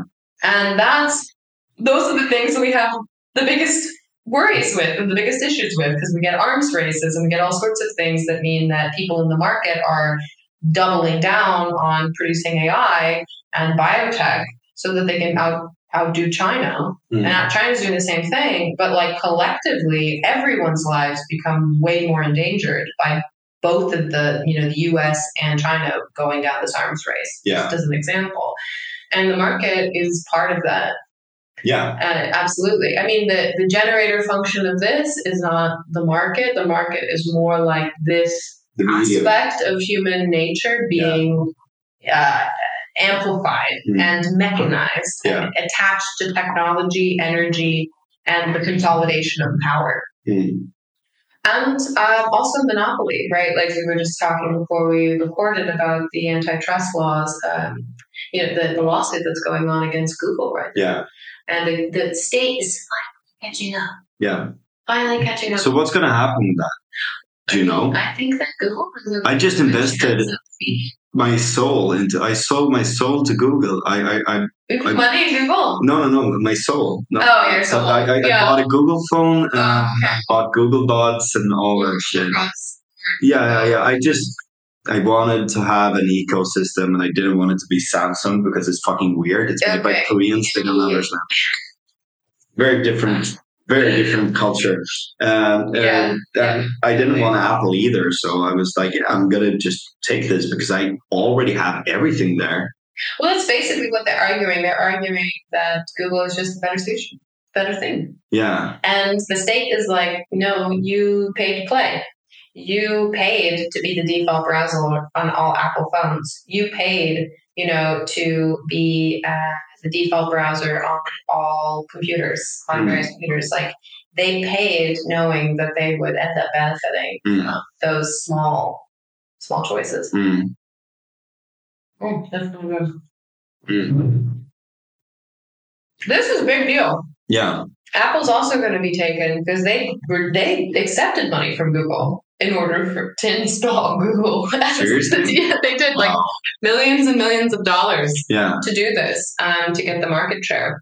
And uh, the fact that there have not been any good rivals to Google over the course of its ascension has created tremendous asymmetries in power. Mhm. Like, can you imagine if in the early days there were search engines who could have actually competed with Google? Mm, Instead, they just paid to play. mm.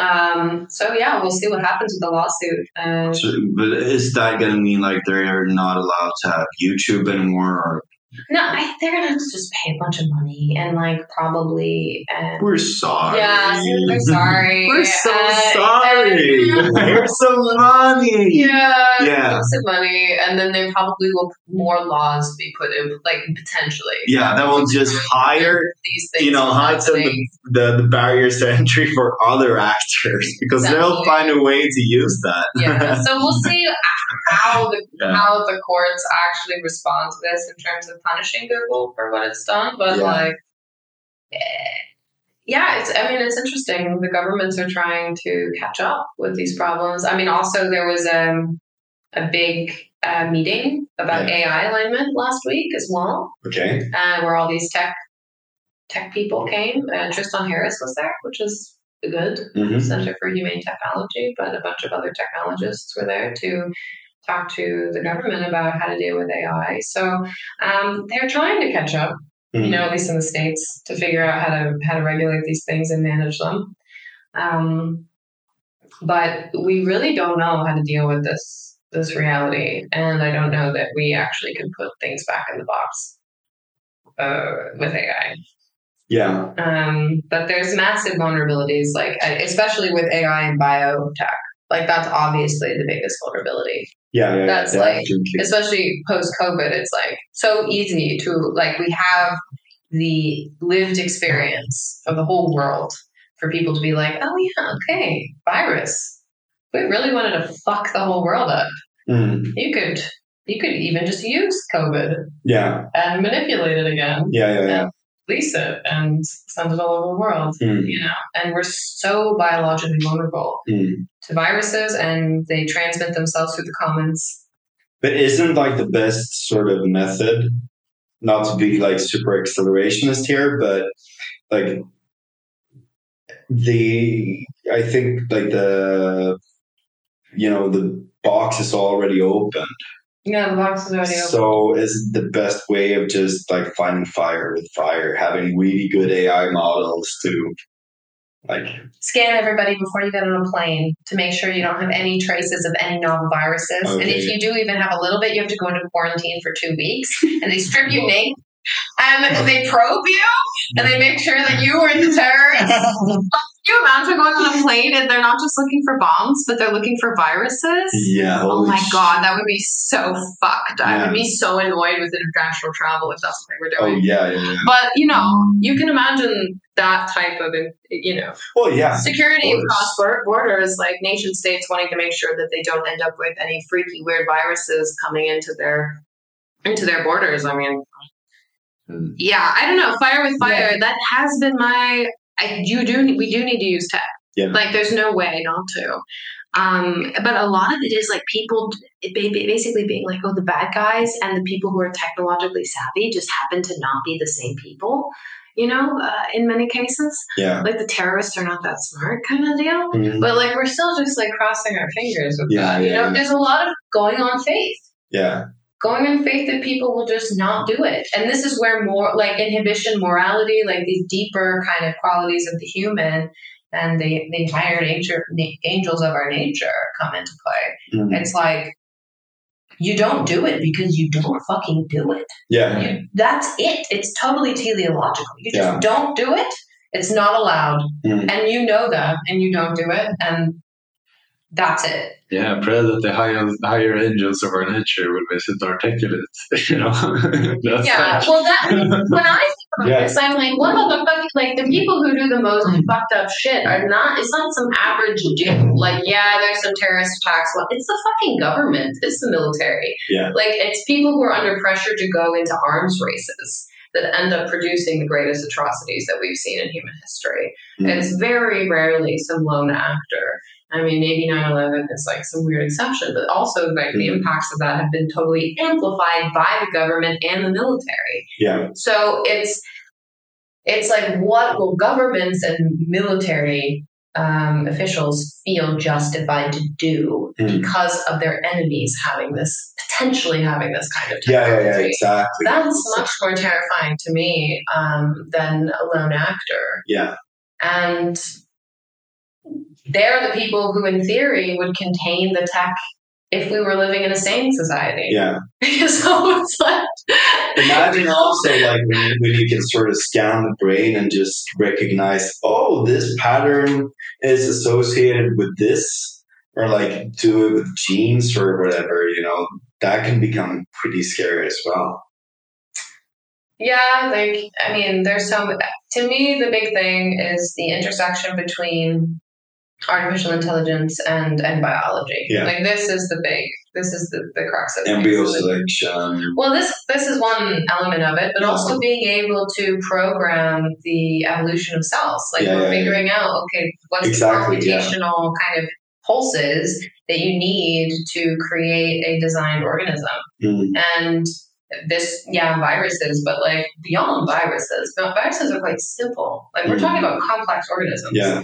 That people will be able to design. And what are what are the containment systems? What are the moral Mm. containment structures that exist that put pressure on these creators Mm. to generate living things that are have a have purpose? Like have they're not just there as some sort of experiment, Mm. but actually are existing for to, to exist within some sort of niche or you know um Exactly. Yeah. But wasn't there? I mean, speaking of that, and also the intersection between the, the different topics here, but wasn't there like some scientists who proposed to make mosquitoes that inject people with the sh- with, with vaccine? Do you remember that? oh Is God. that a fever hallucination? I think I wouldn't be surprised if Yeah. somebody And like you can make some mosquitoes. engineer somewhere Yeah, like, we remember engineer. Yeah. It's a uh, it's a good solution if you have like a very you know if you if you think about the problem. What's the most efficient way to get Yeah. as many people vaccinated? It, it makes probably utilitarians. Yeah, yeah i mean engineers have uh, be, been able to centralize a lot of power Yeah. uh, because of capitalism basically they were Yeah. able to subvert the traditional mechanisms of centralized power that Yeah. existed in the feudal age Yeah. uh, which required And the social power. skills. Yeah. Yeah, that you have to have social skills, and Yeah. engineers not so much on the Yeah. social. They can't Yeah. deal with the messy politics of feudal, medieval, religious institutions. Yeah. But when they were able to subvert this and use the market, and then the market was able to amplify its power on the planet, centralize power, and to the point where now, like corporations are more powerful than nation states. Yeah. It's And humanities are just sitting whining their ass ass out with incomprehensible rants about nonsense, right? yeah. I mean, I mean, I think um, the call back to theology is Yeah. is what's happening today. Like, Yeah. if you're not thinking from a deep metaphysical perspective on how are we going to create culture that inhibits certain kinds of behaviors and inspires people towards the creation of something that is that actually deserves the glance of God, Mm. for God to look down upon us Mm. and actually see something worth His attention. Mm. Like if that requires deep metaphysical thinking. Yeah, yeah, yeah, You can't just cut it off on the level of epistemology or even Mm. on the level of ethics. Yeah. That's just not deep enough. Mm. Um, and I think few people are actually genuinely pursuing that task in a rigorous way. Um, and people that do. There's a I think, very become very, very important. You know, um, like the idea that God would look at you for any given reason. I mean, that's what you're. It's like, wouldn't that be nice? Mm. We're definitely not deserving. but yes, God. Yeah, yeah, yeah. I, I was thinking about that today, like, I, and also like in in, in um, and like in relation to uh, why are men thinking about the Roman Empire? And Yeah. it's like, okay, but like uh, uh, this comes to shock to people. Oh, you're thinking so much about it. But like that was a time where we actually built monuments, where we built beautiful buildings, where you had virtue, uh, where you worship the beautiful, the strong, and the you know the life force of man, and and it, you know the strive to become something greater in a sense. And I think that uh, you don't need to be a fascist to actually see that today we're building ugly ass buildings and we're letting people run around in the streets and do whatever the fuck they want and creating a big mess and uh, we're just gonna be and, and, and we're just gonna say oh we're so sorry we're so sorry because we fucked up because we're the bad guys because we're white and like all of that shit is fucking pathetic I love this idea, though, if we go back to the beginning of Yeah. like dreams. If we think about this, thinking about the Roman Empire Yeah. as a dream, yeah it's not some reference to some genuine history, but rather it's a dream. yeah as we And a were talking about it's uh, not a hyperstition but a retrostition Retrostition, but also because one of the things I've been thinking about with the disillusion of dating and the separation of men and women, and just like the fact that also women are just fucking being trash, you know, in terms of like relating with men. Mm. This is also a big issue. Yeah. And the fact that we have genuine work that needs to be done. Like we, I feel like if we take what some of the brightest minds, the most grounded minds in our ecosystem are saying seriously Mm. about the meta crisis, about where humanity is in its history. We've never needed men more Mm. to step up, Yeah. to organize themselves, to find a sense of duty and a, a deep place within themselves where they're willing to sacrifice their immediate Mm. desires Yeah. and, The and superficial. Yeah, the feathers, to but also like don't like and, and to have the right relationship to suffering yes, because all that's what's lacking. We don't have any guidance on how to relate to suffering. It's like it, it's in order to actually make the change of like to, to take the challenge of like stop uh, jerking jerking off the pork, for example. Mm. But I, I don't want to get stuck on that thing. But like to actually make any sort of sacrifice, you need to have a relationship with suffering that is actually meaningful because meaning is the only thing that can make you overcome the suffering, right? Mm. Well, And to have that, Yeah. you need to have some kind of purpose, Yeah. you know, Yeah. a reason to do it. Um, and and And not to just get stuck in comfortability. Uh, comfortability. yeah, but transcend comfort and move and move. Sweden, my country, people work really hard. They work fucking seven days a week. Yeah. Men are working all the time, and they're working in dead end jobs. But they feel and be, the culture Yeah, ingrains but they don't know why, and that's what they kill what's themselves. going on. Like these men willing to suffer Mm. work. That is not the problem. It's that they have that like inside of the market, which is basically what moves American society. It, there isn't this socialist infrastructure that you have in Sweden at all, or even cultural values that hold people together. That doesn't Mm. exist. It's the market. Their their de- their devotion to work and their willingness to put their energy into something that benefits the collective is not towards a high enough goal. Mm. I think it's a perversion. Yeah. And that and it's so tragic to me because I, you know, I really like respected my my father for all the work that he's done. But I feel like the work that he's done only gives itself deep meaning because he was providing for the family. Yeah. He's providing for me and my brother to have a better life. But if you don't have that, if you can't, if there's no women who want to date you and there's no family, then where do you turn Mm. for deep meaning Yeah. to the work that you're willing to put in? Yeah. Right. That is the thing that we're facing today. All these men who haven't had sex Yeah. in in a decade, Yeah. they're hitting their 30s. They're not accessible to women. Women don't want to date them. Yeah. They're facing a future of work that is being the goal has been is totally perverted Mm. because the market doesn't give them deep enough meaning. Yeah. These men, I feel like, is a is a population to be activated, Yeah. like Yeah. deeply activated towards serving God, Yeah. serving something that is so historically significant Yeah. it goes beyond any of the petty dramas of of whatever humans are getting themselves wrapped up in today. Yeah. This is this world changing shit. Yeah. And whether or not somebody will come alive to speak to this population and be able to coordinate them so that they can organize themselves, that's something that men will have to figure out. Yeah. I don't know that like as a woman I can really speak to that because it is this is a genuinely male problem. Mhm. And it's interesting to me because, in many ways, the conditions of the reality we're in today is also a product of a masculine crisis. Right. Yeah. Yeah. Yeah. Absolutely. It, it reminds me, I, I often get the question now that I work in the Swedish church, like, oh, Christianity, do you believe in it? And of course, I have a lot of different, like, affirmative answers to that. Yes. But I can also, like, answer that with a question, like, okay, so what do you work with? do you believe in that? Yeah. yeah. Yeah. Yeah. If you take that question seriously, you know, maybe you, you discover that, oh, I don't believe in anything. Mm. And then if you take it a little more seriously, you discover that if you don't believe in anything, you believe can't anything. Yeah. Exactly. Exactly.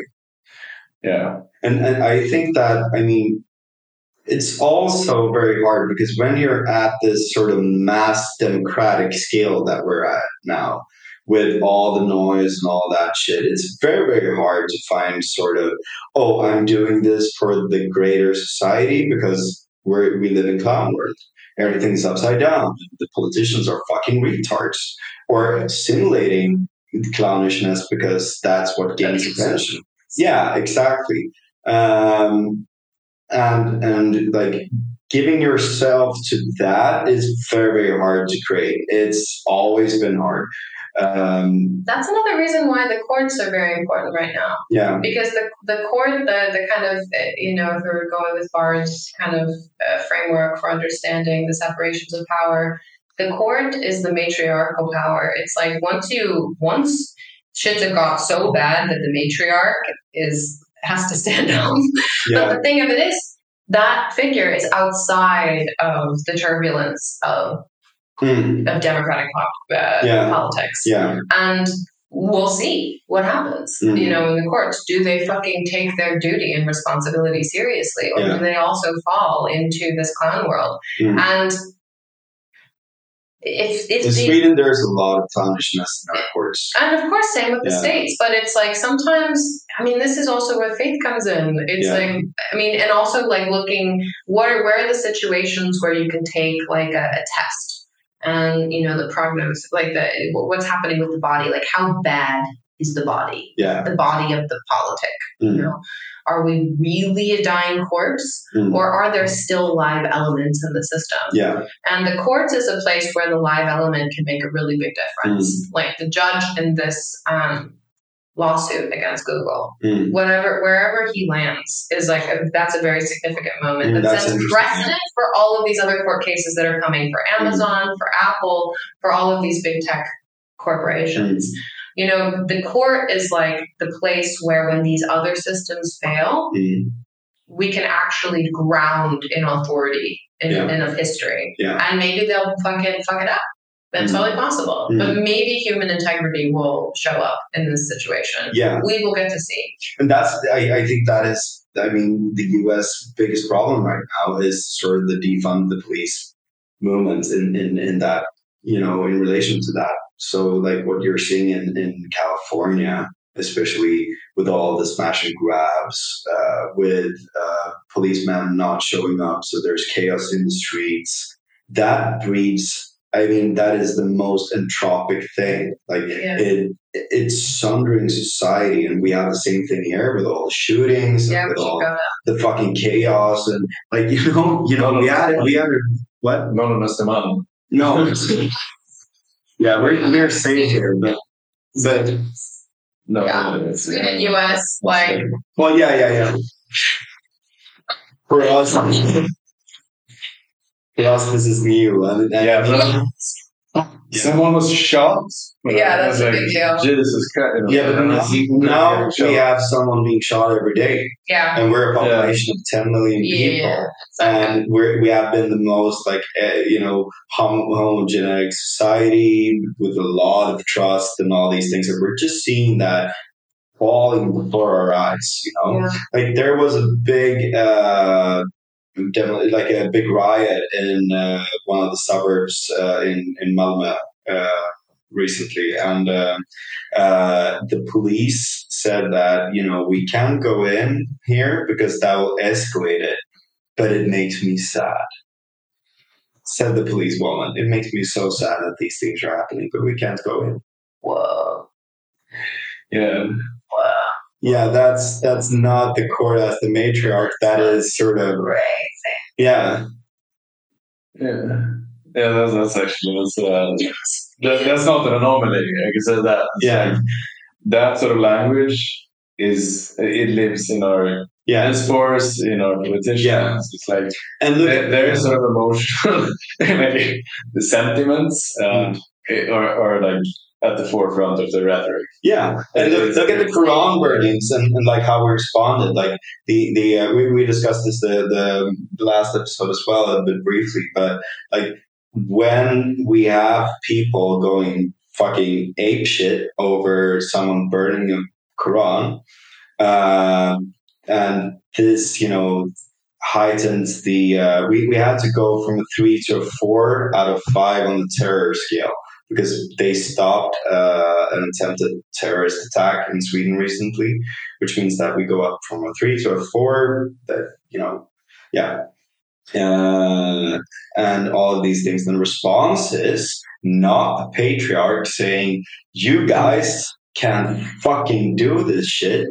Because we have these rules. You're allowed to say these things and take, you know, the people making the mess in the air and like either you behave or you get the fuck out because that is a reasonable yeah. response. Yeah. Yeah, exactly. That is a reasonable response. And and To the like, go around burnings. yeah, yeah, Yeah, exactly. burning it, yeah. Uh, and and like and also like this is going to affect you know our, embassies in Iraq and blah, blah blah blah blah and all these countries. And Iran is super mad at us for some reason which is basically they have a lot of prisoner they have a high grade prisoner here uh, who they want to get released and they've also captured people in Iran long story but it's a big political show for them and like if we are the ones who are like oh, we're so sorry. You guys got mad, so we're to change our fucking constitution about, you know, freedom of speech because then you might be, you know, happy. Like if we do that, you'll be you'll be nice, right? You'll be the the mental model that we created when we took all of you guys in here that you'll just become Swedish and, you know, like it's it's so absurdly naive. And to, to think that you know taking the steps back all the time won't just fucking make them see that they can do this shit and get more and more and more done you know it's the same thing with blm and, and like the riots there and you know the lootings and all that shit like when the police are drawn back chaos ensures and that chaos will just keep on accelerating if you don't step your foot down I think it's fucking crazy. Yeah. And so there's this lack of like this, yeah, it's a masculinity crisis, absolutely. Because you get that, but then you also get the extreme reaction from the Nazis, which is a counter reaction to that. And they can go to extremes that are, you know, absurd as well. Yeah. Yes. Um, take it from American society. You do not want to go down the path of polarization. Yeah. You want someone to step in Yeah. and say what is and isn't allowed and stand by that. Yeah. Deal with the backlash. Rule of law. And yeah, exactly. Yeah. Like in Rome. Because this Like, in Like yeah, yeah. Um, once this thing starts moving, it's it, it's entrenched. You can't do anything about yeah, it. it's like yeah, fucked. you're you We just could be go like down. Detroit. it's hard to imagine Stockholm being. No, if Which you're gonna is- go medieval, you're gonna just build a huge wall around Stockholm. Yeah, Just of Sweden be damned. yeah. You know, and you have to get a ticket to go through the wall. And Yeah. Like if you're if you're a VIP or not, you can get it. Yeah. You guys, I mean, you guys have gated communities. We don't. Yes. Yes. No. You don't get yet. Have you lived in a gated community? Uh, anything? Okay. A ga- gated, gated community? yeah. Have you? Yeah, because I lived in South Africa. Oh, right. Oh, yeah. yes. yeah. Walking. Yeah. I learned how to climb uh, fen- electrical fences with barbed wire. You did? Yeah. Wild. I, yeah, I, I was late to school. Oh, yeah. Yeah. So, um, so I wanted to take a shortcut between Yeah. my home and the school. And the school is surrounded by electrical wire and Oh, bar- electrical fences and barbed wire. Yeah. And The prison yard. it's also like, because that, that kind of also became a mechanism to keep us in. Yeah. Because we needed the sleep to get out of school early Yeah. as well. You know, Yeah, yeah, for certain yeah. hours. But like, you know, we, we weren't oppressed. it was nice. You know, it was a bit, uh, you know, it had a military vibe sometimes, uh, you know, but it's a, yeah, Yeah. whatever. That's But, but it, it's got this, like, it, it's, it, it, no, it's not a society you want to live in. And I, I can say that, like, the threat of violence, like, violence had such a big role in how people were organizing their lives, you know. It was like a very obvious category that you always had to like uh, adjust yourself to. Yeah. You know, it's like, uh, yeah, if you want to live in a house, you should have a good security system around it somehow. If you don't live in a good community, I'm But it's also- me because it needs to rest as well. yeah, yeah, sure. You, you can use Right. force. Yeah. yeah. So I had a friend who lived just outside a gated community. Yeah. Or I went to her house. It was still surrounded by barbed wire and all of that. But she had break-ins and robberies 16 times. She had experienced it. Holy shit. Know, and, and most of them were armed, right? Jesus Christ. So not only do you have to live with the threat of the armed robberies, you also have to know how to act in such a situation.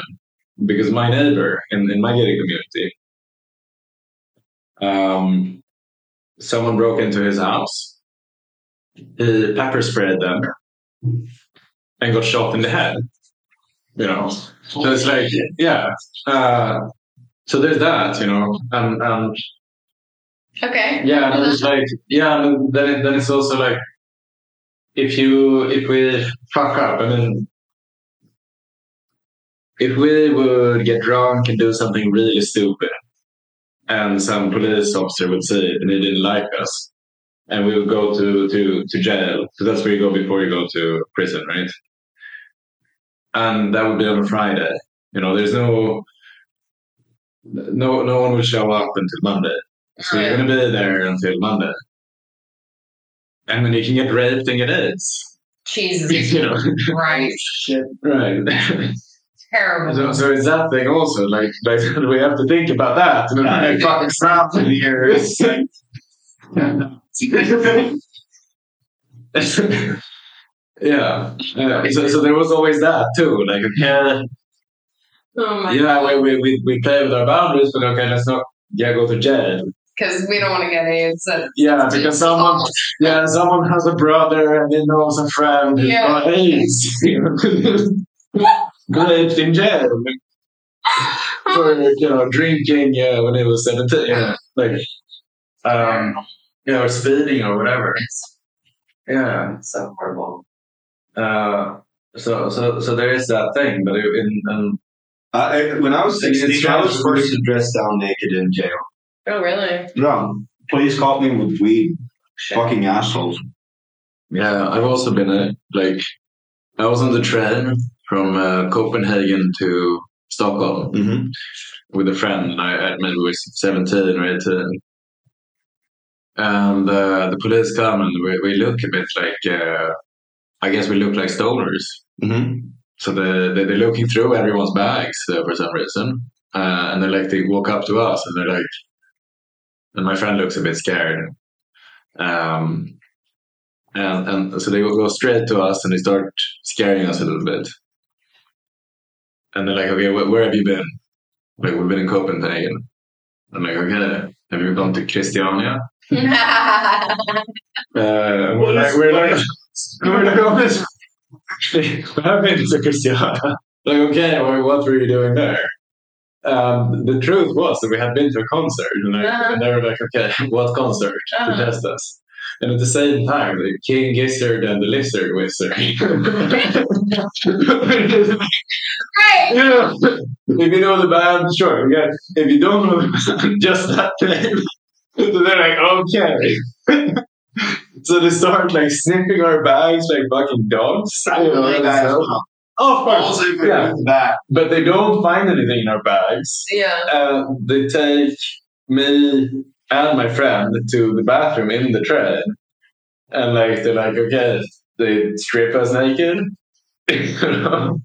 And I'm, you know, I, I, I've been in this situation like, yeah, switch it up. like that.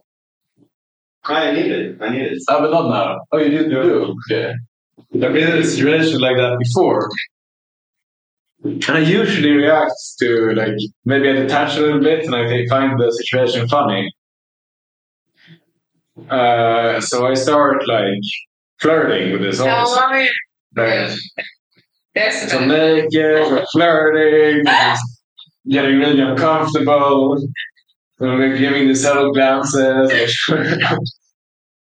And it's also like, asked me to lift my arms, and then and he's to lift.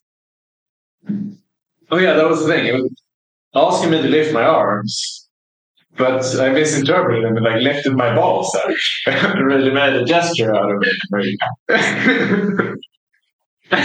like no, no, just your arms. yeah, so it became this uh, this funny situation. But my friend was really like he he Aw. he, he wished that hadn't happened. Yeah. You're like, Yeah, you got a good story out of it. I got a good story and a good laugh, and like then I also have I have another friend who's he doesn't look like a stoner at all. Yeah. He came back from Amsterdam, and not only did they look through his bags, you know, in the yeah they, they usually check people in Sweden when they come back from Amsterdam, but they they look through his ass. I was like, what? I know this guy. Like, how did this, you know? Um, I, I don't know if he, he told it as a funny story, but I, and I think that he thought it was kind of funny, but also like that's a very that's a serious intrusion for someone who, yeah, yeah, Yeah. How did we get into this? Um, Oh, we're just talking about where society can go if we lose trust. And there's no uh, authority, although I guess this is a overreach of authority. There are trade-offs to authorities. Yeah. Sometimes they do too much. Yeah, Um, sometimes uh, they do too little. But I, I think that's also like okay. Thanks for really bringing the, the, I mean, the dialogue that's usually together. Yeah. the father is not present uh, and uh, is like a, a bit, you know, pissed off all the time. And he's grumpy and uh, all that shit. And he, he's not really participating in the kid's life and actually saying, this is good, this is bad, blah, blah, blah, blah, blah. Yeah. But then when the kid fucks up, he becomes super angry and hits him. Yeah. Because that is sort of an archetype that we can see as well. And that is the problem with where we're going. Yeah, exactly. And that's, that's like where we we're heading right now because How many callbacks do we force just to make this conversation sound coherent? yeah, yeah, true. I think that is a pretty good conclusion actually. Is it a conclusion? Let anti- don't let anti-Santa be what governs the future. Yeah, Wake the fuck up. yeah, Get your shit together. Yeah, we, we need to we Save the world. more callbacks. We have Santa, we have the demons, we Yeah. have the Succubus. yeah. yeah, the succubus, the Yeah. Pussy. The pussy, oh, Pussy. the pussy. Oh. I love pussy. We've already talked about pussy. We just talked about virtual pussy. Yeah, yeah. Guess that be next time. Yeah, I guess. Fish that- here in Norway. We got some Evo bio in the system. Where else did we go? yeah. Oh, I know. What? I just downloaded a new app. Yeah. Yeah. I downloaded a Christian dating app, like a Tinder for Christians. Oh yeah. yeah, tried it today. Yeah. Um, so, like, I used it on the train, which I think is significant Okay. uh, because it's uh, geo is like dependent on Oh. our location. Right? Mhm. The women were a lot hotter than on Tinder. Huh? Mm. I don't know if it's the same for the guys, but like Mm. the women were like much hotter. Okay. Their bios were kind kind of funny, you know. Yeah. They're like, it's gonna be you, me, Jesus. no one can see Jesus. like,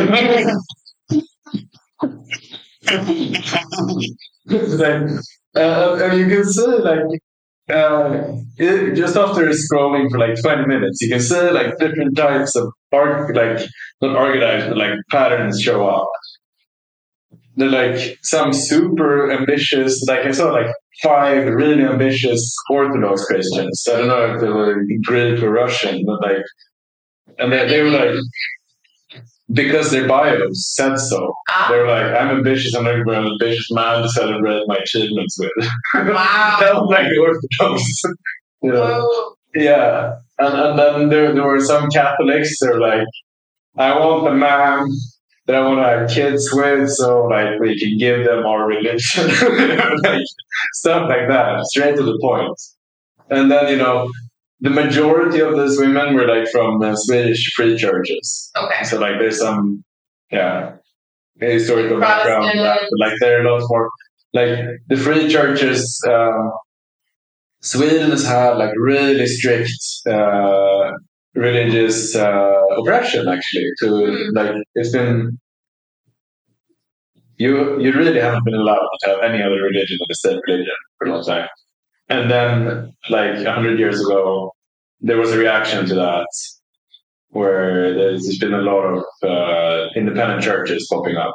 Okay. Um, they right now they're a lot more sort of charismatic than the state church. They're not like they have they do they have like you know um, very enthusiastic uh, stuff going on all the time with the rock concerts and this and that. So like um, yeah, so and, and also they're better at engaging the youth.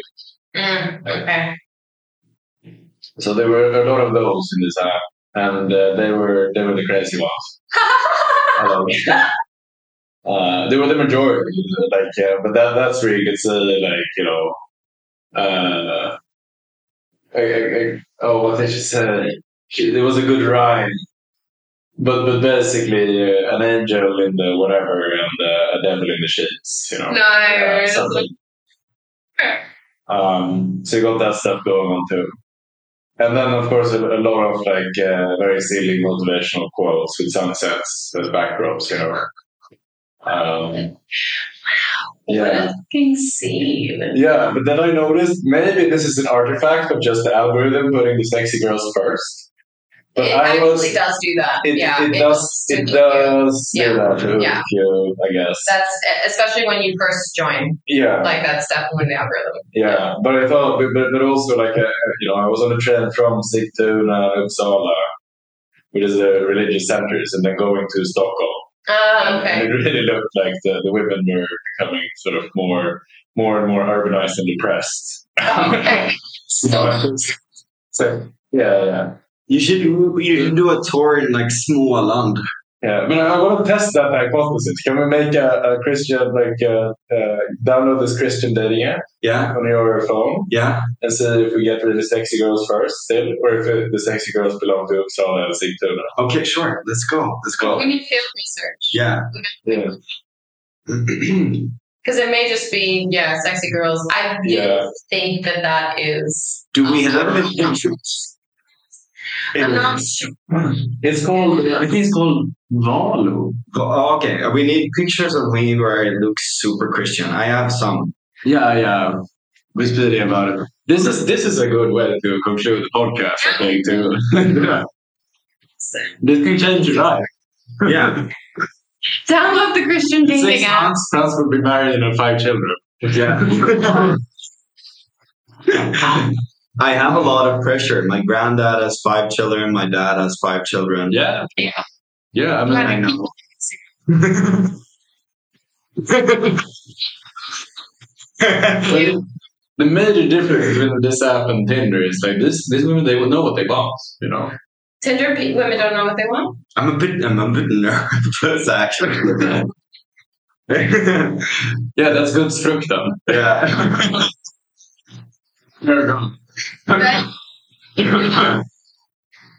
yeah, when, you, when you're in this app, it's not just you and the woman, you know? There's something else watching it. Yeah. Ex- exactly. and some of them say that, literally. Jesus is Like watching. one, one of them, yeah, one of like one bio was like uh, uh, was literally that. It's like this is between our eyes and God's. So- That hard. All right, guys. All right. I think this has been a great meandering. Absolutely. Absolutely. So should we should we put uh, should we put your uh, your your Christian Tinder exploration behind a paywall? We can. Uh, we can actually. We, we, we We can pause pause, Yeah. and then we can eat. Then we can conclude Yeah. in a little bit. So Yeah. be right back, guys. And All right, we're recording again. We're back. We're, We're back. We've had so much fucking steak. we had so much chemtrails. delicious Yeah, we're still eating it. Yeah. And we're rolling a cigarette. We're rolling cigarettes. There's rum on the table. We had A beautiful Sunday dinner. chanterelles. Yeah, the whole the whole We're the whole honoring the thing. big guys. Yeah. Yeah, and we even thank God we're eating. Mm. So speaking of God, where are we at now? Yeah, we We were thinking of maybe downloading this Christian dating app. Um, but is it blasphemous? I mean, it, should I be God fearing? This, this is the thing. You you actually authentically hesitated. Yeah. And that's that's what, what we're going to talk about now, because that probably comes from a very deep psychological place, right? Yeah. It's like something in you wants to show respect for something. Yeah. You don't know what wants to show respect, and you don't know for what, and you don't know what crime you're about to commit by experimenting with a Christian Tinder app. Yeah. So let's oh yeah. Like I feel. Let's- what's, let's talk what's, about- the, what's the male uh, male version of a succubus? Uh, incubus. Incubus. Yeah. Yeah. Yeah. Right. Yeah. An incubus. Yeah, and and they're they're, These men are running around. they're they're basically just planners. Well, that Yeah, is actually the system that, that Yeah, the this incubi. No, no, no. Let's focus on the women doing this.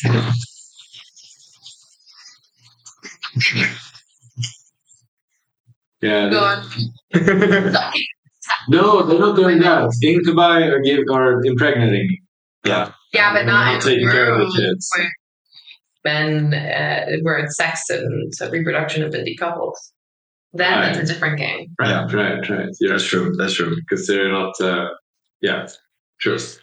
Are you sucking the life force of someone if you uh, Wait, so so what what are you worried about? Uh, uh, what's the, what's stopping it just feels blasphemous to like Yeah, pretend to be like I'm sure I'm, I'm into Christian mysticism, but I, I, I think my hesitation came where where um, you were supposed to um, to check uh, like to, to have this sort of um, uh, it was a drop down menu of all the different churches. yeah. and I was like, I'm not even baptized.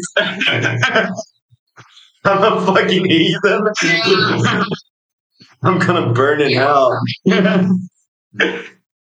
so uh, yeah, um, so that's where my hesitation started. Like, it is lying if I if I was gonna say that I'm a Christian because I'm not necessarily one. I mean, I am Christian by culture, and I I have interest in Christianity, but like, I wouldn't say I'm a Christian. Yeah, because this is an interesting thing because you and I have a very, you know, in a way, a very similar cultural background Yeah, with with respect to this question, yeah, right? But I'm baptized. yeah.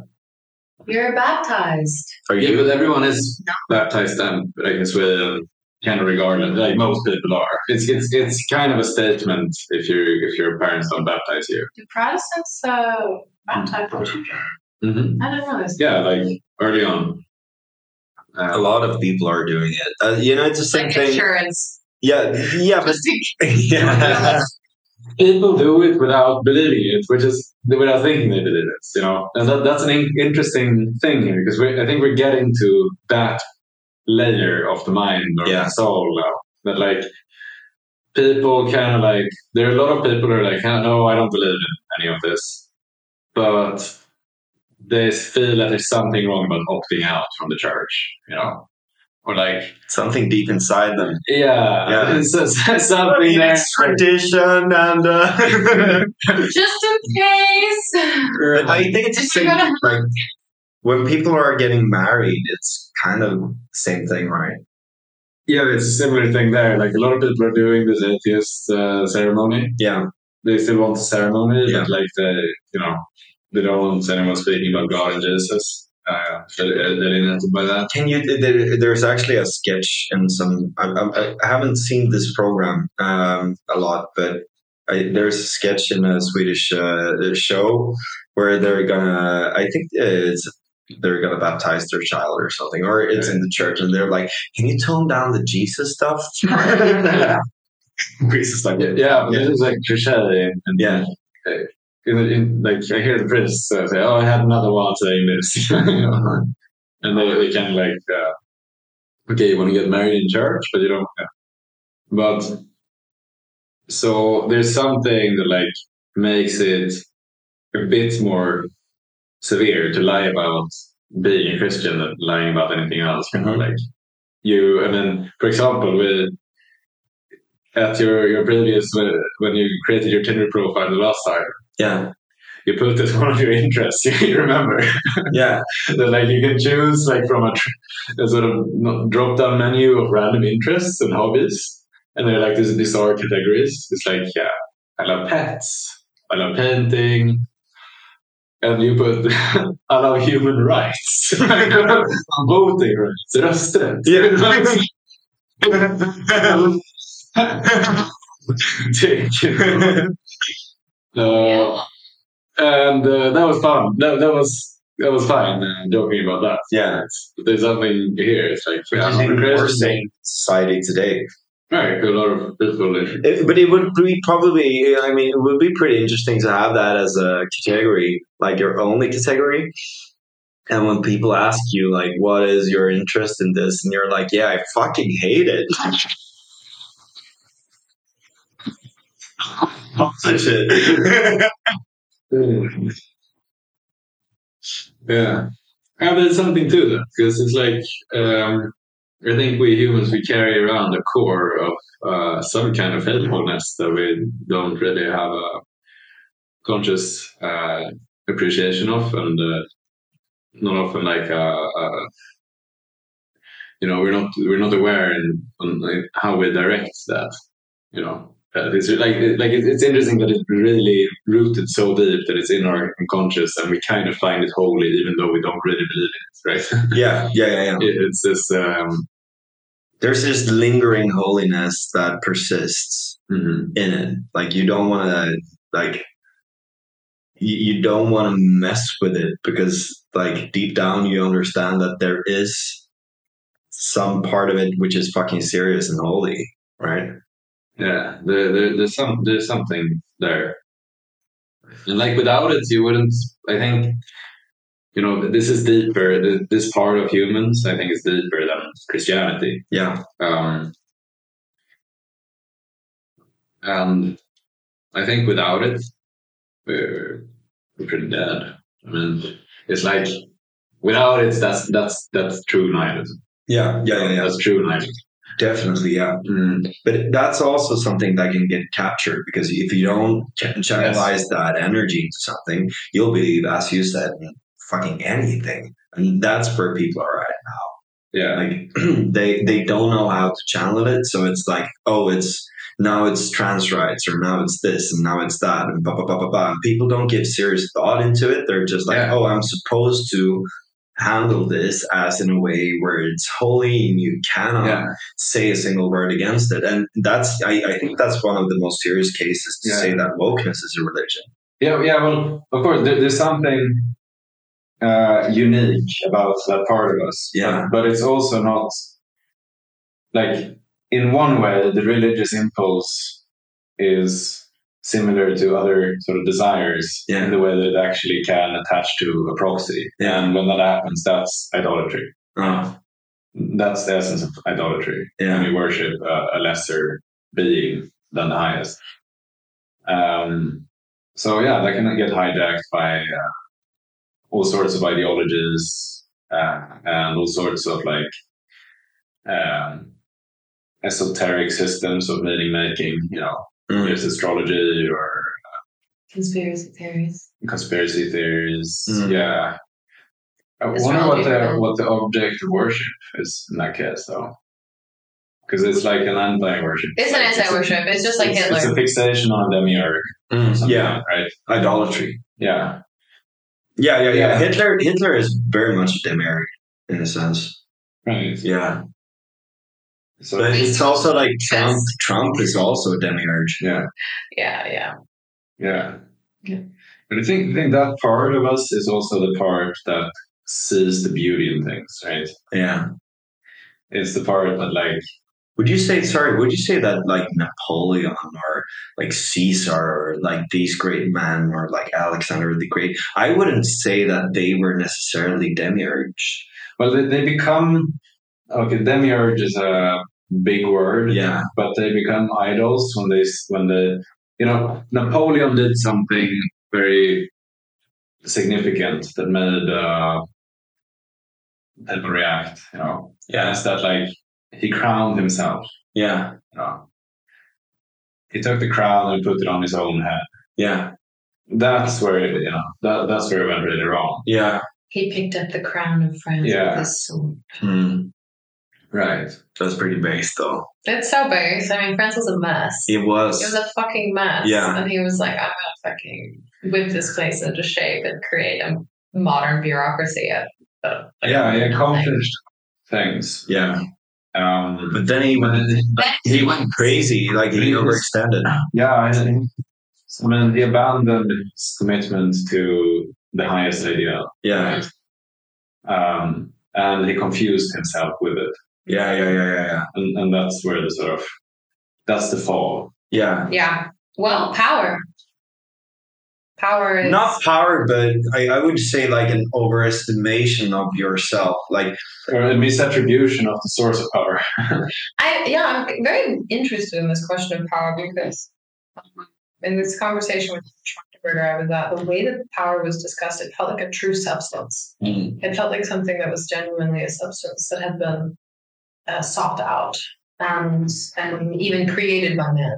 Like that, this that this- symbolic substance, like uh, it, it it's. It's, it's it's just like It's what we're saying. It's an energy. Yeah. It's to it. Like Yeah. centralization is one of these properties. Yeah. So if you can figure out how to centralize certain, you know, like information, for example, but also um, energy. Mm. So it's like energy and information is like if you can centralize the levers of that into a singular place or a few singular places, then you're at the apex of. of oh yeah, that's basically mainstream media, right? Well, um, media is one example of uh, certain centers that have centralized power for Yeah. sure. Uh, but you know, throughout history, basically centralization had the forms to create the possibility of central centralization had to be created. Somebody had to come up with how to psychologically engage men to organize themselves in a system of Mhm. bureaucracy where information can flow through that system. I don't know that much about Napoleon. From what I understand, is that he was a master of developing bureaucracies where information could flow efficiently from different units within the system. Mm. So that's both the combination of human energy being organized and centralized, and also information. Mm. And that is like that is bringing together the two forms. And I mean, from Bard's philosophy, this would be like him putting himself in the position of being the chieftain and the priest. Mm. The priest being the guard of logos, being connected to the logos. His purpose is to be the guardian and centralization of information, and the Mm. chieftain is the guardian and centralization of manpower. Mm. And they're supposed to negotiate their positions. What goes wrong is when the singular person at, at the apex of those power Yeah. um, centers, because then you get dictatorship. You get basically an individual who can't handle Everything at the same time. all those yeah, those things together because then apparently man is split you know between mo- logos and pathos Yeah. and you need these two things to actually be embodied by two different individuals Mm. who can hold those power centers respect one another and work together Yeah. Yeah, that's like how you keep how you can actually manage to centralize power Yeah. and maintain power intergenerationally in service of the socion yeah. Yeah.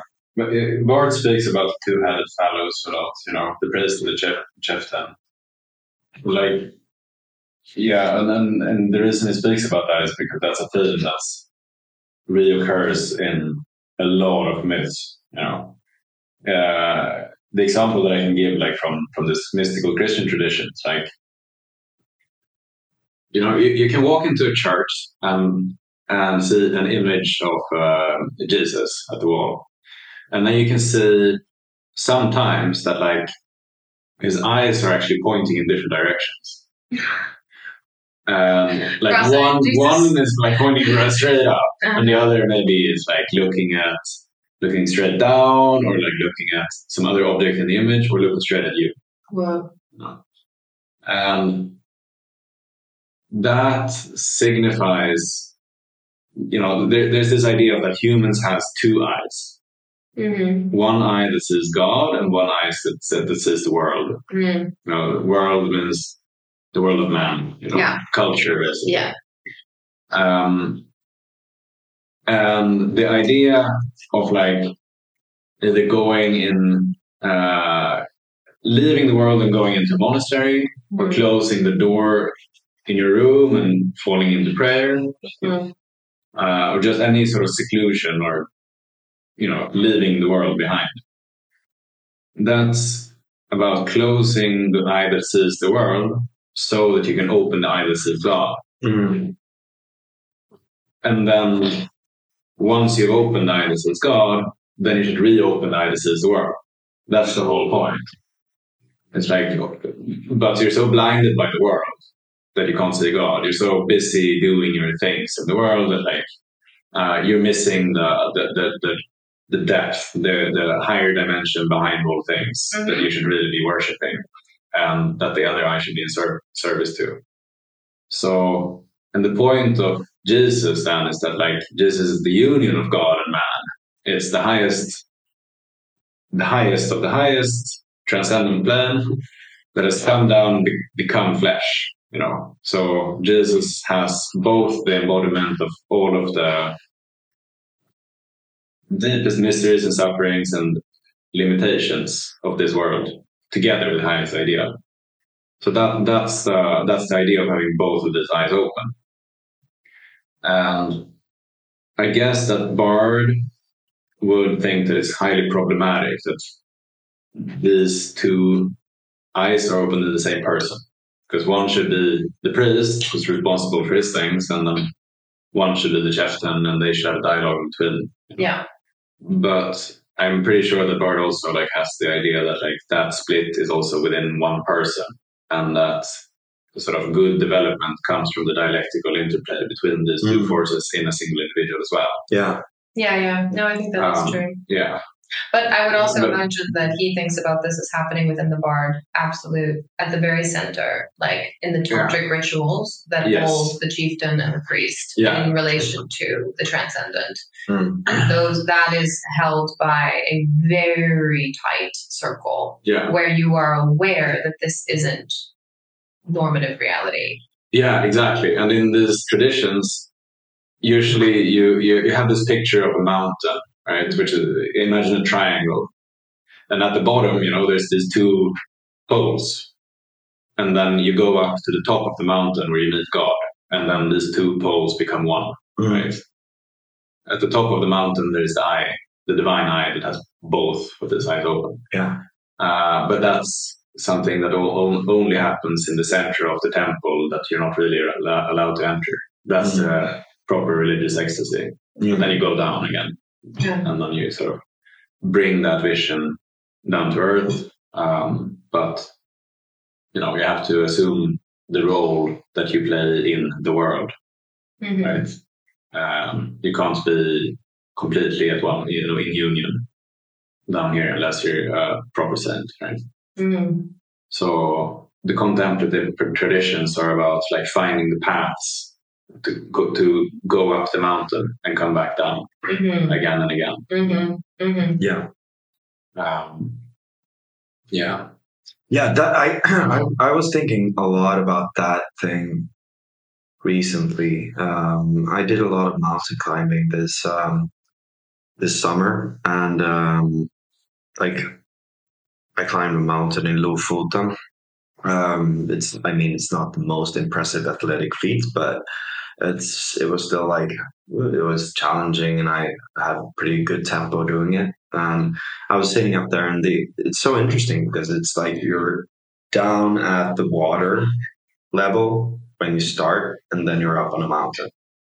Um, so it's not just like you're in a mountain range where like Steep and dramatic. yeah, and like you're looking out over this archipelago uh, of just you know mountain ranges just rising up from the water. And like after that, I was thinking a lot about this act of going up and down mountains and what what it truly means. And like if you have this nihilistic view of yourself, like you can see that what's the fucking why should I climb a mountain just to go up there, look at the view, and then go down again? Like, what's the fucking point of that? And if you're in that comfort zone all the time in your life, also in a metaphorical sense, if you It's a comfort never, zone. yeah, It it's is a comfort zone, just being down there all the time and just being surrounded by that. But actually, and, and, and it's also, you can't just stay up on, on the mountain. I mean, even Zarathustra went down, you know, Nietzsche's uh, also sprach uh, Zarathustra. I mean, even he goes down from the mountain sometimes to actually speak with people. And I, I, I think there's a very important symbolism there because when it comes to your life, you have your high points, and like that can be like great fucking party, it can be sex, it can be an achievement, and all these things. But then you go down to the grind, you keep on doing it, and you have these highs and lows, etc., etc., and you just keep on going. But seeing the way up from the mountain as something that is important, enjoying actually taking time when you're up on that mountain, just encompassing everything that's around you, integrating it, and then go down with the notion that you'll climb that mountain again. It's the same thing with doing psychedelics and stuff like that as well. Like, um, they, like you can feel like, oh, I want to be in this space all the time because I get so many interesting ideas and I can see the world so clearly in the sense, blah, blah, blah, blah. But you need to take those things down, integrate them, and stuff like that. Because if you get stuck up there, you're just gonna be useless and die. You know? Yeah, when I climbed a mountain, I climbed Mount St. Helens for the first time like two years ago. And the thing that I got out of it, I mean, I got a lot of things out of it. It was like strenuous activity and, and totally mind boggling. But one of the most profound elements of it was all of these phrases that I had learned, like climb the mountain, like Yeah. these types of things, became embodied Yeah. knowledge. And like the the image of the monk on top of the mountain Yeah. suddenly became this embodied knowledge that I had. Mm. And it was I was like, this gives life to language. Mm. It gives life to Mm. story. By Mm. going through the pilgrimage, Yeah. Exactly. The pilgrimage lives, makes the stories alive within you. Yeah. Uh, and that is the animating force. Yeah. Is to walk the path that gave rise to those stories or gave rise to that language. Yeah. And you cannot have like you, you can't just watch a movie for that. No, no, no. And you can't just read about it either. No. You like you have to do it sometimes. And You that's also like reconnecting with the body and soul in a sense as well. Because if you're only up here all the time in your like in your thoughts and and stuff like that, you will eventually just get lost in abstraction Yeah. as well. If you never bring it down, if you never go, go down from the mountain and integrate it So in yourself and to others as well, like it's also some sort of intellectual masturbation just to be there all the time. Like Yeah. have your like Immediate Funding. gratification, high salience kind of insight yeah porno in Yeah. your head. Yeah. yeah Never never pushing yourself to verify yeah whether or not what you're thinking is actually real. exactly yeah yeah And actually being phobic towards anything that threatens uh, yeah disabusing you of your illusions. yeah That's that's uh, Yeah. Pillar saying, right? Yeah. So we should wrap up soon, but uh, let's ask the question. Do you want to create this account or not? Raven oh. No, this is a question that you have to should I no answer from. I like Holy like, Yeah. I, I, I, I- I s- actually see a sacredness on this app where like people are actually there Mm. because they want to find people who are genuinely Christian and that earnest. Yeah, exactly. I, I was actually on, on, on this dating app called Hinge for some time as well. And like you have the setting there where you can say like, uh, you know, I'm not really looking for something serious, but you know, but like I think the whole idea of that app was that you're this is a place where you can find someone who tr- you can truly love. That's not why I use these apps, to be honest. So I actually I, I deleted I deleted that because of that because I saw okay I'm not going to violate the general theme here. There are other places where I can Yeah, but these are all the reasons. We're just looking for the answer. No. Or the answer is no. yeah. He's Not doing it. Okay. And this is why you should date. Yeah.